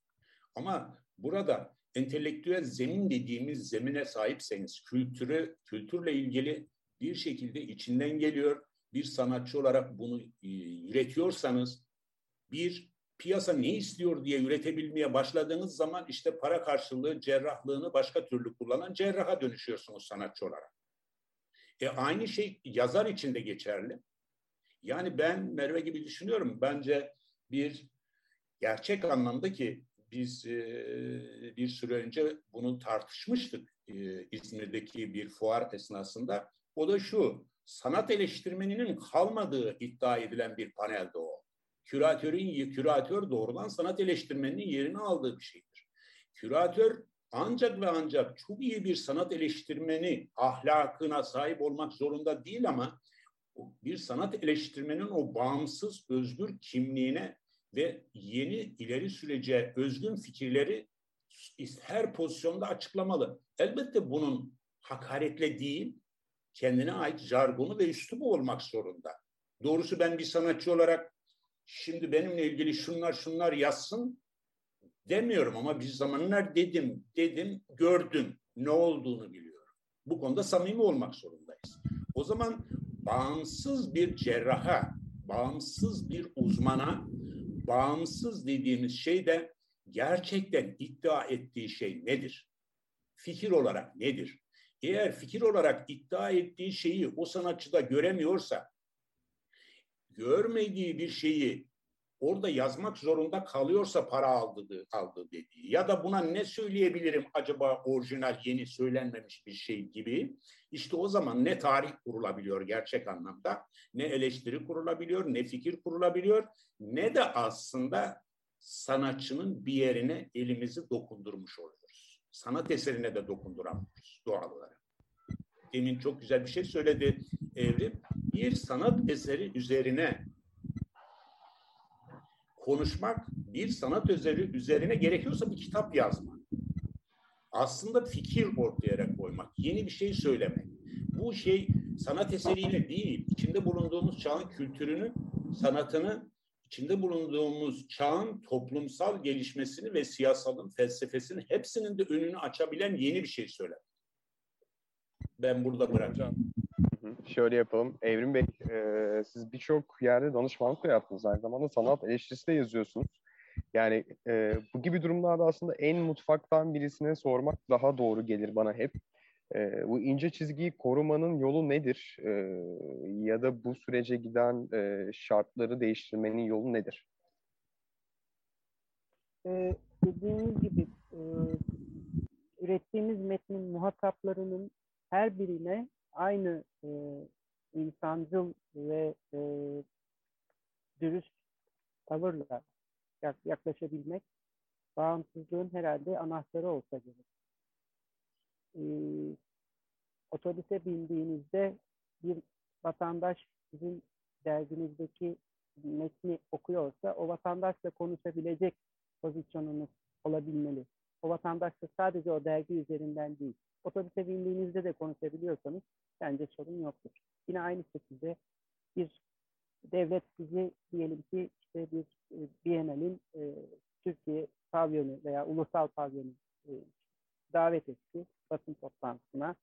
Siz o basın toplantısında bütün o bürokratik hiyerarşiyi es doğrudan sanatçıya da, kuratöre de, efendime söyleyeyim, Kültür Turizm Bakanlığı yetkilisine de aynı e, özgüvenle, aynı rahatlıkla e, otosansürsüz bir şekilde soru sorabiliyorsanız yine işler yolunda demektir. Çünkü zaten o sırada yaptığınız şey eleştirilir. O sürecin sorgulanmıştır. Veya gezdiğiniz o pavyondan mukayeselerle ayrılıyorsanız, e, diğer ülke pavyonlarına baktığınızda ülkenizin ne durumda olduğunu dürüstçe e, yazabiliyorsanız ve bunu o pavyonun muhatabı olan sanatçının ve küratörün hoşgörüsüne de yaslanarak yapabiliyorsanız zaten size güveniliyor demek. Yani küratör, siz orada küratörün bir tür sözcüsü de oluyorsunuz.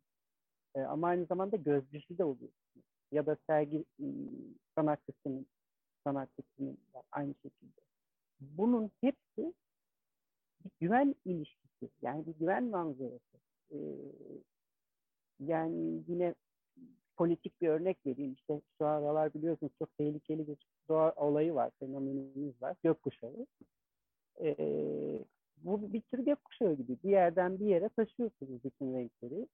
Ama bu çok nar, narin ve nadir görülen bir durum. Yani hem gökyüzü olmakla yükümlüsünüz, hem e, yağmur olmakla yükümlüsünüz. Hem ama bu, bu olmadan da yedi rengi teşhir edemiyorsunuz. E, dolayısıyla siz orada bir tür köprü vazifesi, görünmeyen bir köprü vazifesi görüyorsunuz. Yazdığınız metinle hem efendim mesela bürokratların, hem kuratörlerin, hem sanatçıların, hem de vatandaşların taleplerini e, bir tür e, e, mikrofonluğunu yapmaya çalışıyorsunuz. İşte bu da ne yazık ki e, ne yazık ki altı iki söylüyorum. Nezaket gerektiren bir şey. Nezaketle yapılabilecek bir şey. Doğru kelimeleri doğru yerde ve mutlaka bence ironiyle, ironiyi de kullanarak e, hayata getirebileceğimiz bir şey. Ben o açıdan zaten plastik sanatlarla tırnak içinde uğraştığımız için, görsel sanatlarla uğraştığımız için Türkçenin bu konudaki e, imkanlarını zorlamayı çok seviyorum. E, aynı kelimeden hem acı hem tatlı bir lezzet e, yaratabilmeye hep özen gösteriyorum az önce bütün konuklarımızın da söylediği gibi bu tamamen insanın insanlığıyla ilgili bir şey. Hayata bakış açısı ve taşıyabilirliğiyle ilgili bir şey. Çok, çok teşekkürler. Ben şimdi e, aslında bizim ana başlıkımızdan birisi olan sürdürülebilirlik meselesini biraz e, değişmek istiyorum. Yaklaşık e, 20 dakikamız var. Sonrasında belki biraz soru cevap yaparız. Biraz da popüler kültür içerisindeki sanatın yerini biraz konuşalım istiyorum. 16 ee, yıl çok uzun bir rakam. Umarım daha da uzun olacaktır. Ee, bu sürdürülebilirliği nasıl sağladınız? Merak ettiğim en temel şey bu. En başında bu hikaye nasıl başladı ve bugüne nasıl geliyor? Çok güzel. Ben 16 yıldır yayın yönetmeni değilim ama 14 e, yıldır yazarıyım. E, şöyle, bence galiba ücretsiz olmasının çok büyük bir katkısı var burada. Ama bu sürdürülebilir olmasının en baş şeyi gerçekten pes etmemek ve sürekli devam etmek yapılan şey neyse. E, benim kontrolümde olan son yıllarda benim için sürdürülebilirlik yani benden önce bu sürdürülmüş benden sonrasında da şöyle sürdürülüyor.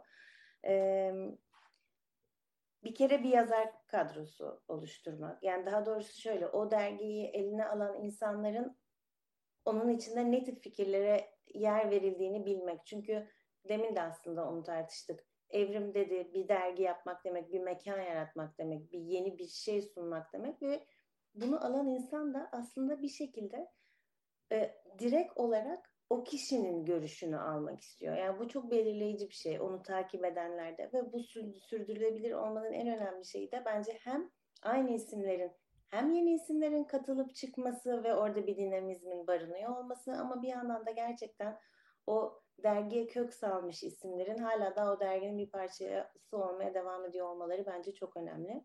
Bir de bu süreli yayıncılıkla ilgili ben hep aynı şeyi düşünüyorum ve onu da yapmaya çalışıyorum zaten. Ee, birbiri ardına devam eden dosyalar kurmak ve her sayıda o dosyanın bir devamını görebiliyor olmak bana hep çok kıymetli geliyor. Ben çok sıkı bir dergi takipçisiyim ama çok çocukluk yaşlarımdan beri ve bu hala da böyle.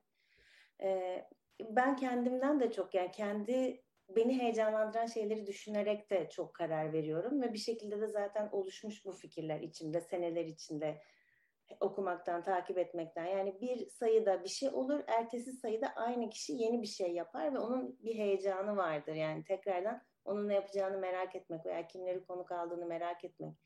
Ya da dosyaların bir araya gelerek bir kitap oluşturabilecek kadar birbirleri arasında bütünleşmeleri bu da önemli bir şey. Yani bütün bunlar ve bu dengeleri kurabilmek, bu ilişkiler ağını sağlayabilmek sürdürülebilirliğin en önemli e, adımlarından biri diye düşünüyorum. Bu konuda ben de bir e, ekleme yapmak istiyorum. E, derginin e, ürettiği bu birikim sanat tarihsel bir somutluk da kazanıyor ve potansiyel biyeneller için, yeni sergiler için, tezler için çok ciddi bir geri dönüş kaynağı haline geliyor. E, bu 16 yılda dergiyi çıkardığımız, Merve ile birlikte hazırladığımız, önceki bütün yayın yönetmenlerimizle beraber sunduğumuz bu 16 yılda beni en çok heyecanlandıran şey de bu oldu. Geri dönüşleri hiç beklemediğimiz kaynaklardan aldık, hiç beklemediğimiz maksatlarla aldık. Bu çok güzel bir şey. Diyelim ki Türkiye'de feminizm üstüne bir sosyolojik e, tez hazırlayan bir e, genç akademisyen bize kalkıp Türkiye'deki kadın sanatçılar üstüne e, yazdığımız yazılar üstünden ulaşabiliyor. İşte tam da bu geçişlilik ve e, çeşitlilik bence Türkiye'de e, sanat yayıncılığının, kültür yayıncılığının ne kadar önemli bir demokratik e, kavşak olabilirliği olasılığı üstüne çok umut verici bir örnek olarak düşünülebilir diye ekleyebilirim. Peki e, bunun yayıncılıktaki sürdürülebilirliğine dair ne söylersiniz Ekrem Hocam? Bu arada Evrim Bey birazdan döneceğim çünkü bu sürdürülebilirlikte bence bir sanat eleştirisinin sürdürülebilirliği de çok zor. Çok yorucu bir şey. E, oraya dair de birkaç e, cümle duymak isterim. Ama hocam öncesinde evet, böyle genel olarak Evet, genel olarak bu... e, yayıncılık kısmını biraz anlatırsanız bize çok seviniriz. Şimdi şöyle yayıncılık kısmının yanı sıra tabii ki bunları ben birbirinden ayırmıyorum. Ee, sanatın, sanatçının sanat yapmayı sürdürebilmesi, sanat yazarının yazabilmesi, işte derginin dergi olarak devam etme hepsi birbirine bağlı. Biliyorsunuz bu sürdürülebilir kavramı özellikle e, 1985 yılında İsviçre'nin Basel kentinde e, Ansel Kiefer, Joseph Beuys, işte bir şekilde şu anda buraya yazdığım İtalyan Ucci ve Yannis Cornelius bir sanat tarihçi olan İsviçreli Jean Christopher Amman'ın çağrısı üzerine bir araya geliyorlar ve bir katedral inşa etmek diye bir metin ortaya çıkıyor. Tartışıyorlar. 1985 yılından bahsediyoruz. 1985 yılında bu dört sanatçı Doğrusu ya hem bana kalırsa o metin çok önemli bir metindir. Benim e, başucu kitaplarımdan bir tanesidir. Onlar aslında o dönemin entelektüelleri ve siyasal kimliklerinin dahi cesaretle ama amatörce ama içten gelerek samimi olarak söyledikleri yegane metindir.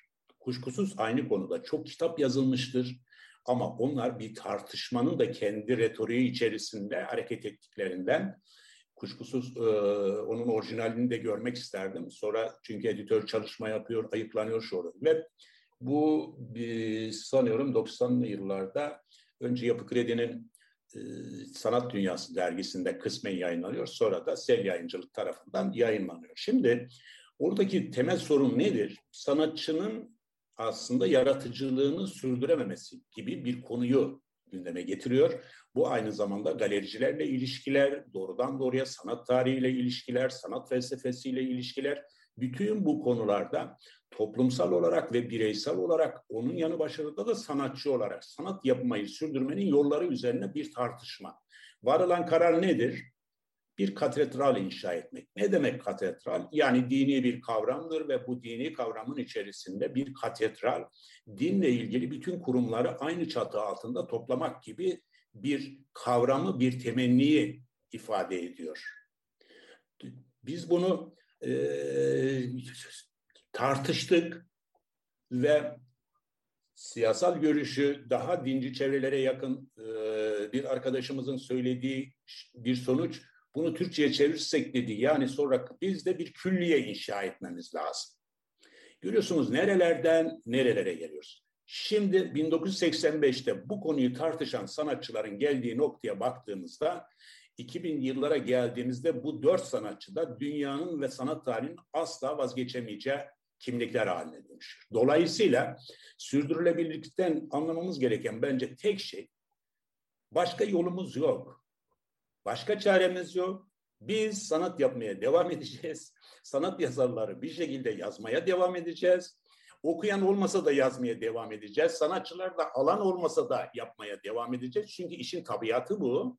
Ve onu da bir şekilde kamuoyuna duyurmaya çalışacağız. Onun yolu da dergiden geçiyor ve yeni teknolojik medya araçlarından geçiyor. Başka bir yol var mı? Yok. Bu saatten sonra bakkal dükkanı açıp çalışmayacağız, pazarlamayacağız, girmeyeceğiz ama genç arkadaşlar bunu yapmak zorunda kalıyorlar. Fakat dünya sanat tarihine baktığımızda çok farklı dönemlerde de işte bir şekilde atölyesini kap, e, kapatıp şaraphane açan sanatçılar da biliyoruz biz. Demek ki bu ilk kez karşılaştığımız bir değil. Bana göre bu bir geçiş süreci ve geçiş süreci her zaman için yani Merve Hanım dedi ki demin mesela pandemi sürecini atlattık. Hayır atlatmadık pandemi sürecini ve devam ediyor. Koşullar değişiyor. İşte ilaçlar çıkıyor. Tartışmalar sürülüyor. Araştırmalar yapılıyor. Riske giriliyor. Milyonlarca insan ölümle sonuçlanıyor. Gelecekte bir gün tarih acaba bugünleri nasıl yazacak? Geçmişte vebanın tarihinde olduğu gibi ve birçok salgında olduğu gibi. Bu da bana bir kültürel veba içinde şu anda bütün dünya. Dolayısıyla bu veba aynı zamanda sanat piyasasını, dolayısıyla sanat piyasasının içerisinde 100 bin dolarlık bir resme 500 dolar para verdiği zaman büyük rakammış gibi gözüküyor ve bu trajikomik bir durum olarak gözüküyor. Şimdi bu fikirleri söyleyen arkadaşların demin de konuştuğumuz konu gibi evet bugün için siz yazdığınız yazıya acaba 50 yıl sonra ya da 20 yıl sonra ya da 100 yıl sonra acaba okuyucu bulabilecek miyiz? Öyle yazı yazılması lazım. Bütün mesele o. Günübirlik güncel tüketimlerden bulunacak. Yoksa 100 yıl sonra bile günümüzün sanatını anlamak ve muhtemel önümüzdeki gelecek 100 yılı işaret eden bazı ipuçlarına da buluşacağız. Bütün buradaki sürdürülebilir olmanın yolu cerrah cerrahlığını yapacak. Kalp hastası zaten kalp hastası olacak merak etmeyin. Onun ilaçlarını ondan sonra ameliyat araç geliş enstrümanlarını üreten fabrikalar olacak ve değiştirecek, geliştirecek. Böyle böyle sürdüreceğiz. Başka bir yolumuz olduğu karşısında değil. Teşekkür ediyorum. Hocam e, biraz da ben e, özellikle sürdürülebilirlikte ve e, yurt dışı fonlarında neler oluyor, kamu neler yapıyor bunu tartışalım istiyorum. E, Merve Hanım siz ne söylersiniz bu konuda? Ee, ben fonlarla ilgili çok zayıfım yani bilmiyorum. Ee, böyle. Anladım. Evrim Bey? Ee, şöyle Uzun yıllar yanıt verip, de yaptınız tabii. e, şöyle yanıt verebiliriz. Az önce daha doğrusu söylediğim en başında e, olumlu bir yaklaşımla andığımız Saha Derneği'nin bir fon havuzu olarak işlediğini ve sanatçılara sahip çıktığını burada baştan e, tekrarlamak gerekiyor. Onun dışında şimdi e, yani Avrupa Birliği ülkelerine baktığımızda, Amerika'ya baktığımızda kültür enstitülerinin e, hem birer dediğim gibi ekol olarak çalıştığını hem de sanatçılara e, projenin ta kendisini bir burs gibi e, bahşettiğini söylemekte sözü sürdürebiliriz.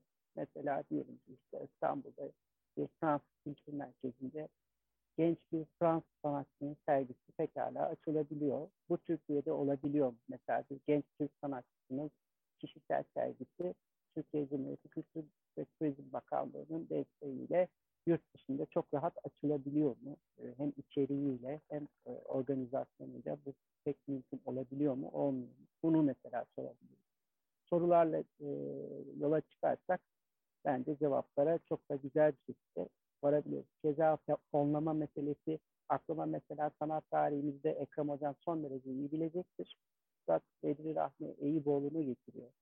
Biliyorsunuz pek çok Türk e, modern sanatçımız gibi Bedri Rahmi Eyüboğlu da benim bildiğim kadarıyla mesela kariyerinde e, Rockefeller bursu alarak Amerika'ya da gitmiş bir e, imzadır Üstad. Doğru mu hocam? Evet evet. Yani böyle de bir çok manzara var. var. E, tabii çok arkamızda böyle çok sayıda örnek var. E, bütün modern Türk neredeyse Türk, Türk sanatçılarımızın yurt dışında yeterince sahiplenildiğine tanık oluyoruz. Gerek akademik beyanda hem gerekse özel, özel sektör beyanında. E, bu açıdan müzelerin de e, açtıkları, yaptıkları davetlerle, müzelerin de açtıkları sergilerin bir tür yaşayan burs olarak işlediğini, sanatçıların kariyerlerine itibar eklediğini ve bunun da e, bence bir burs olarak değerlendirilmesi, bir fon olarak değerlendirilmesinin son derece e, olağan olacağını ben söyleyebilirim. E, böyle. sürdürülebilirlikle ilgili benim başka bir aslında takıldığım mesele daha var. Ee, ha, sen, pardon sen onu yani. sen, evet sen sen onu sormuştun az önce. Yazarlar arası sürdürülebilir demiştin. Doğru mu? Evet, evet, evet. Yani evet. o sanat eleştirisinin sürdürülebilirliği e, bana psikolojik olarak da belli bu, bir yapılması gereken bir durummuş gibi gelir hep. Bu bana tam da bu bana çok heyecan verici geliyor keşif açısından. Bizim AYKA Derneği'nin e, yaşadığı e, macerada e, 12 Eylül'de kapatılmış, sonradan tekrar açıldı 2000'lerin başında. 2003'tü galiba Berel Hanım'ın e, öncülüğüyle. 12 kişiydi kurulduğunda, tekrar açıldığında. Şimdi galiba üye sayımız e, 80 ila 120 arasında. Ben şimdi tam sayıyı hatırlamıyorum ama bu ben, buna büyük, büyük bir umut kaynağı olarak görünüyor. Çünkü AYKA UNESCO'ya bağlı bir uluslararası sanat eleştirmenleri birliğinin Türkiye birimi. Dolayısıyla biz mesleğimize uluslararası bir ehliyet kazandırarak onun e, görünürlüğünü ve taşınabilirliğini, erişebilirliğini, hele ki bu pandemi sonrası ekran dünyasında, pandemi sonrası elektronik e, kültür üretimi çağında diyelim, e, çok daha sağduyuyla ve e, hızla gerçekleştirebiliyoruz. E, bunun en güzel örneğini de gelecek yılki AYKA Kongresi'nin sanal düzlemde de olsa pandemi nedeniyle İstanbul e, birimi tarafından e, örgütlenecek olması. E, tekrar şeye gelecek olursam çeşitliliğe, ben burada demokrasi ile sanat eleştirisi arasındaki ilişkinin ne kadar aslında görünür olduğunu e, vurgulamakla sözümü devam ettirebilirim bir sergi düşünün hocam. Mesela Ekrem Kahraman diyelim ki bir sergisi yakın zamanda açıldı ve açılıyor. Yani bir vaka üretiyoruz şu anda. Düşünün ki mesela e, o sergi hakkında bırakın bir, bir ya da iki sanat eleştirisini aynı yayında 12 ila 14 yazının çıktığını deneyimlesek ne olur? Ne kaybeder? Bence çok şey kazanır aynı sergiye 14 farklı belleğin, birikimin, e, dünya görüşünün nasıl yankılandığını görmek kadar heyecan verici bir şey olabilir mi? Bence bu çok tırnak içinde söylüyorum. Neşeli bir şey ve çok verimli, bereketli bir şey. Demokrasinin ta kendisi bence. Ne dersiniz hocam? Kesinlikle, kesinlikle. Yani Ekrem Kahraman değil. Yani şu ana kadar e, Örneğin benim ilk kitabım e, sanatçı olarak çıktığında galiba 1990'lı yıllarda çok aklı başında e, arkadaşlarımız, sanat ortamları arkadaşlarımız buna ne yani öldün mü ki kitap çıkıyor gibi bir bakış açısıyla bakıyor. Halbuki ben şu, e, sonuçta işte Bilim Sanat Galerisi Nevzat Metin benim de arkadaşım. Evet. Dünya kadar kitap yayınladı. Kültür Bakanlığı böyle bir kitap yayınlamadı. Ama şimdi onunla ilgili kuşkusuz çok şey söyleriz, eleştiririz. Şöyle olsaydı, böyle olsaydı. O zaman gene geliyoruz o sürdürülebilirlik kavramı. Bence durulmaması gerekiyor. Çünkü oradaki kritik nokta ne biliyor musun sevgili Anılbert? Oradaki kritik noktası tekrar baştaki cümleye dönüyorum. İdeolojinin sanatı, sanatın ideolojisi. İdeolojinin sanatı dediğimiz zaman üretiminden başlayıp öne çıkarılmasına varana kadar o fon meselesini fon ortaya çıkarır. Fon onu çıkarır ortaya. Ama bir de sanatın kendi iç jargonu, iç kuralları, iç ideolojisi, felsefesi, iddiaları vardır. Bu ve bu bitmeyen bir şeydir. Ve bu bitmeyen şey sanatçının kendi kişisel tarihi fakat aynı zamanda o dönemdeki kuşağın tarihi, o çağın tarihi ve sanat tarihinin de tarihi aynı zamanda. Sanat felsefesinin de. Bunları birbiriyle içile geçirebilen fonlanan da sanatçılar var. Fonlanan da kurumlar var. Burada sorun fonlanmıyor olması değil bana kalırsanız. Buradaki sorun fonlanıyorum deyip fonlanması için gerekli şartları, ağır şartları kabul edip daha baştan angaja olma en tehlikeli olan kısım budur. Bunu birileri yapıyor, yapılacak da ama diğer kısımlarında olması lazım, yaşaması lazım. Oralarında fonlandığı ciddi fonlama işleri var tabii ki bunlar. Dolayısıyla e, neydi Rockefeller'in e, binasına Frida Kahlo'nun sevgilisi ressam şu anda aklıma gelmedi. Oraya kocaman bir Marx'ın da içerisinde olduğu resimler yaptı adam. O da bir fonlanma. Adamı çağırıyorlar oraya gel buraya diyor parasını veriyoruz yap. Bana da kaç kişi şöyle şöyle bir şey yap. Ben hayır yapmıyorum dedim. Niye parayla değil mi diyor. Ben böyle şeylerle de karşılaştım. Sorun bence sadece sanat ortamında değil. Politikada da böyle bu. Diğer alanlarda da böyle. Bunun için... Sürdürülebilir. Hı hı. Dinliyorum hocam. Dinliyorum hocam siz buyurun. Onun için bana göre burada gene kendiniz olmak, gene iddialarımızın peşini bırakmamak. Hiç hatırla, e, unutmuyorum bir arkadaşım vardı. Resimleri var. Bir, bir de bana bir gün dedi ki sana gizli defterlerimi göstereyim dedi. Gizli defterlerin içerisindeki sadece yine desenler vardı. Fakat bana gösterdiği, herkesi kamuoyunda bildiği resimler değil, bambaşka desenler de onlar. Niye bu? Çünkü bu benim demişti. Pekala kamuoyuna sunduğumuz neydi? Bu öyle bir alan ki bu alanı sadece sanat ortamı ya da bir sanat eleştirmeni veya bir sanatçıyla ilgili değil, bu bir aslında eleştirilmesi gereken belki özgürlük alanı verip ortaya çıkması sağlanan ama özgür bir eleştiri ortamı olduğunda da tabii doğal olarak bunlar kendiliğinden yerine oturacaktır diye düşünüyorum. O zaman gene biz bir katedral inşa eder gibi alanın her şeyiyle ilgileniyoruz. Çünkü bu bir geçiş sürecidir. Önümüzdeki 10-15 yıl içerisinde göreceksiniz sanatçılar da gerçek anlamdaki hak ettikleri pozisyona, sanat yazarları da, sanat dergiciliği de, sanat yayıncılığı da bambaşka bir pozisyona gidecektir. Bu bir geçiş sürecidir ve bu aynı zamanda bir çöküş sürecidir. Bu çöküş sürecinin yerinde yepyeni bir dünya kurulacaktır. Çünkü dünya bize sormadan kurulacaktır. Evet, hocam şimdi aslında güzel bir yere temas ettiniz. Ee, ben biraz da şuradan bakmak istiyorum. Sanatın sürdürülebilirliği aynı zamanda e, alıcıyla da ilgili bir mesele. E, bu noktada benim merak ettiğim bir durum da bu. Biz e, sanatı alıcıya ne kadar ulaştırabiliyoruz? Yani birçok ekol var, e, daha rasyonel bir nokta var, daha toplumsal ve politik olarak yaklaşan bir düzen var, daha hayata yakın, belki edebiyata yakın, belki e, başka sanat disiplinine yakın e, ekoller var. Siz e, kendi sanatınızı yansıtmayı, kendi e, sanatınızda toplumla kurduğunuz ilişkiyi nerede görüyorsunuz? Merve Hanım sizinle başlayalım dersiniz. Ee, öncelikle deminki soruyu ben yanlış anladım. Ben şöyle anladım. Sanki yayıncılığın sürdürülebilir olması için fonlar gibi düşündüğüm için o yurt dışından alınan yayıncılık fonlarını bilmediğim için söyledim. O konuyla ilgili de minik bir şey söylemek istiyorum. Ee, çok fazla yani hem hakikaten sanatı destekleyen çok fazla fon var, çok fazla açık çağrı oluyor. Müzeler, e, işte Alman konsolosluğu, e, İspanyol Enstitüsü, Göte Enstitüsü gibi e, kurumlar da çok fazla e, sanat üretimine destekte bulunuyorlar. Yani bu anlamda ben çok fazla haber yapıyoruz biz bu konuyla ilgili.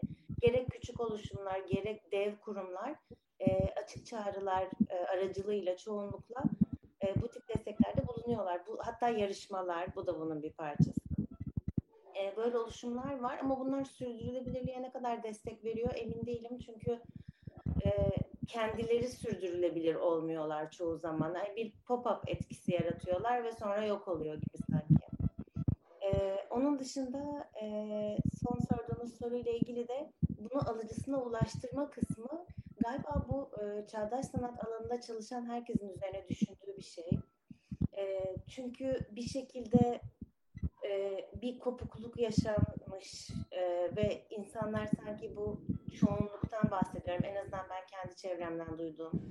Hani böyle bir kendini bağdaştıramama durumu maalesef hala daha çok var. E, o yüzden de bir geri durma. Bunu deminki konuşmada da söyledim. E, o yüzden şu anda da e, başta galericiler olmak üzere yayıncılar, pek çok insan sanatı daha fazla görünür kılabilmek için çok fazla çabada bulunuyorlar bence ve bu anlamda sosyal medya, bloggerlar e, da çok etkililer. E, bu alıcısına ne kadar ulaşıyor bilmiyorum. Ama ben en son artık gazete oksijen de o daha ana akım e, olarak konumlandırabileceğimiz bir yerde. Gerçi kaç basıyor ve ne kadar insana ulaşıyor bilmiyorum ama e, onun bile bir kültür sanat eki var ve güzel de bir ek yapıyorlar. Bence bütün bunlar işte hani ne kadar ulaşıyor hala daha bu sorunun cevabını bilmiyorum. Ama bu sayı gittikçe artıyor. Her ne kadar bizim 80 milyonluk ülkemizde az bile olsa en azından gittikçe fazlalaştığını gözlemleyebiliyoruz. Evrim Bey siz ne dersiniz bu konuda? Ee, her krizin aslında bir fırsat kaynağı olduğuna bakmakla e, meseleye yaklaşabiliriz. Şu anda kültürün çok hızla mobilite içinde olduğu, e, çok hızla üretildiği kadar çok hızlı da tüketildiği bir dönemden, hocamın da dediği gibi biz e, hem çöküş hem yenilenme sürecinden geçiyoruz. Bütün mesele bunun e, e, doğrusunun ve yanlışının kimin tarafından ayrıştırılacağını müsaade etmekte. Yani medyaya, e, aygıta kimin hükmettiğini ya da kimin e, direksiyon başında olduğuna karar vermekte. Bütün mesele burada. E, biz neden böyle bir şeye yöneldik? Neden bu kadar e, idealist belki de yaklaşıyoruz? Çağdaş sanatı neden bu kadar kitleselleştirmeye çalışıyoruz? Çünkü görüyoruz ki e, sanatçısından tutun kurum sahibine, efendim fon sahibinden tutun kuratörüne bir hedef kitleyle buluşma özlemi. Biz de bu medyayla, mecrayla, internet olsun Anıl da biliyor. Merve zaten online versiyonuyla da, internet versiyonuyla da dergi bunu görüyoruz. E, yani demek ki ha basılı olmuş ha e, e, ekranda olmuş e, bunu bir şekilde insanlara götürebilmek çok kolay. Fakat neyi götürebileceğimize karar zor. İşte burada editörün, burada çevirmenin, burada eleştirmenin, burada muhabirin birbirleriyle uyumu, birbirlerinin sözünü birbirlerinin vizyonunu ne kadar e, takındıkları, e, önemsedikleri meselesi. Yani editoryal politika devreye giriyor. Editoryal politikadaki demokratik demokrasi e, düzeyi devreye giriyor. Ki bunlar da artık tecrübeyle e, söz konusu olabilecek şeyler. Burada zaten derginin, medyanın, mecranın ekolleşmesine, itibar kaynağı olmasına vesile oluyor. Yoksa kimse o dergiyi almıyor veya işte abone olmuyor veya ciddiye almıyor. Bu sefer de ne oluyor? O mobilite, mobil, mobilizasyon ters yapıyor. Ne yazık ki gözlemlediğimiz bir şey herkes Instagram'da dünyayı e, yönetir, e, dünyayı eleştirir bir pozisyona e, geliyor. Her şey çok kolaylaşıyor. Her şey çok kolaylaştığı zaman da doğru ve yanlış arasındaki o kontrast durum e, giderek blulaşıyor ve grileşiyor. Ve bu da büyük bir bence e, enformatik ve e, estetik e, sıradanlığa vesile. Hocam, Ekrem Hocam çok kısa sizden de bir değerlendirme almak istiyorum. Çünkü bugün e, bir de konumuz olacak. Yayını kapatmadan önce onu da davet etmek istiyorum. E, söz sizde hocam, buyurun. Ben şöyle e, söylemeye çalışıyorum. E, bu hep çok tartışılır. Biz sanatı nasıl e, ulaştıracağız? Sanki böyle orada bir e, kitle var. İşte bir şekilde akşam bulaşıkları yıkayacağız, deterjan üretiyormuşuz gibi. Böyle bir şey yok. Biz e, şunu anlatmak isterim. Demirtaş Ceyhun, romancı, edebiyatçı, benim de dostumdu rahmetli. Onun çok güzel bir sözü var. Biz her 10 yıl boyunca kendi okuyucumuzu üretiyoruz. 10 yıl sonra bir darbe oluyor ve bizim bizi içeriye atıyor. Okuyucularımız bizden soğuyor. Biz dışarı çıktığımızda yeni bir süreç başlıyor. Yeniden bir şekilde okuyucu üretiyoruz. Şimdi bir kere mutlaka sanatın ulaşacağı geniş bir kitle olmaz tahayyülü her zaman var biraz da geçtiğimiz yüzyılın ütopyalarıyla gelen, aydınlanma çağıyla gelen ütopyalar çağının ürünüdür.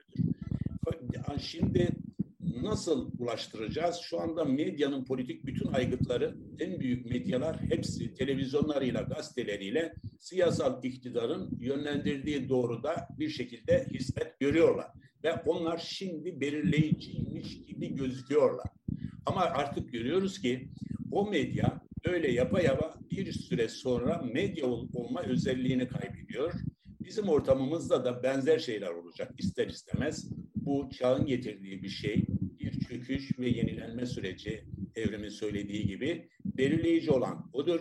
Ama acaba sanat yazarları, sanat dergileri, sanat yayıncılığı, sanatçılar ve içi titreyen, sanat için titreyen, kültür için, entelektüel zemin oluşsun diye titreyenler için ne kadar bir nokta, dayanak noktası oluşturabiliyor ve onlar ne kadar bu konuda çaba harcayacaklar?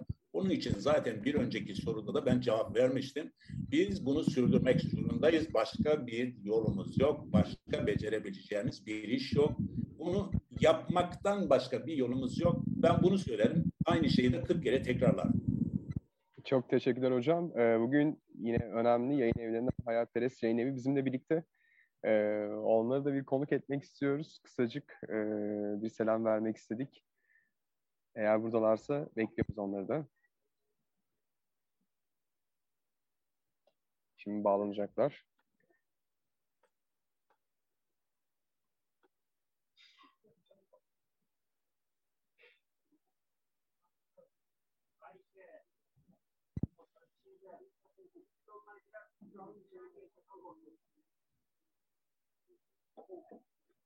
Evet, şu an bekliyoruz.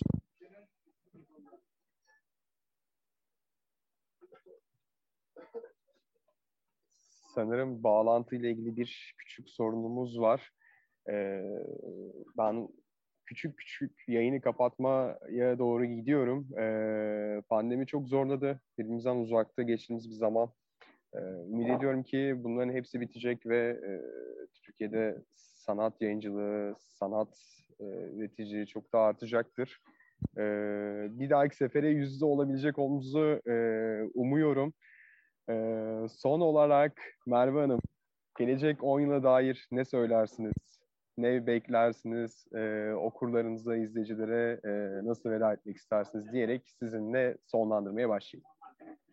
Ben önümüzdeki 10 yılda sanat olan ilginin daha artacağını, bizim dergimizi yine ilk başlardaki gibi çift dilli olarak yapacağımızı hem online hem de e, matbu dergimizi bu konulara çok daha fazla kafa yorulacağını, bunun da hayatın vazgeçilmez bir parçası olduğunu, insanların daha çok kavrayacağı bir 10 yıl olacağını umut ediyorum.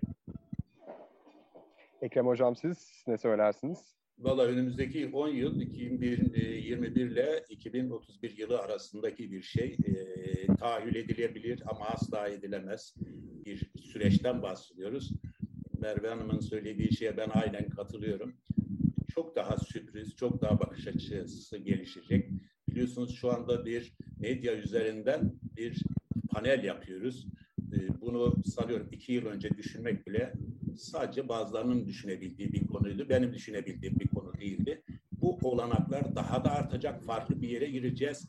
Fakat şu olacak. Tekrar basılı matbuata geri doğru giriş, geri, dönüş olacak ve işte yok kripto sanattı şudur budur elbette bunlar olacak fakat böyle moda bir tabirle bunlar egemen olmayacak bildiğimiz sanat ama yepyeni fikirler söyleyen, öne süren, iddia eden, gerekiyorsa mücadele eden bir sanat olacak ve sanatçılar olacak. Evrim Bey?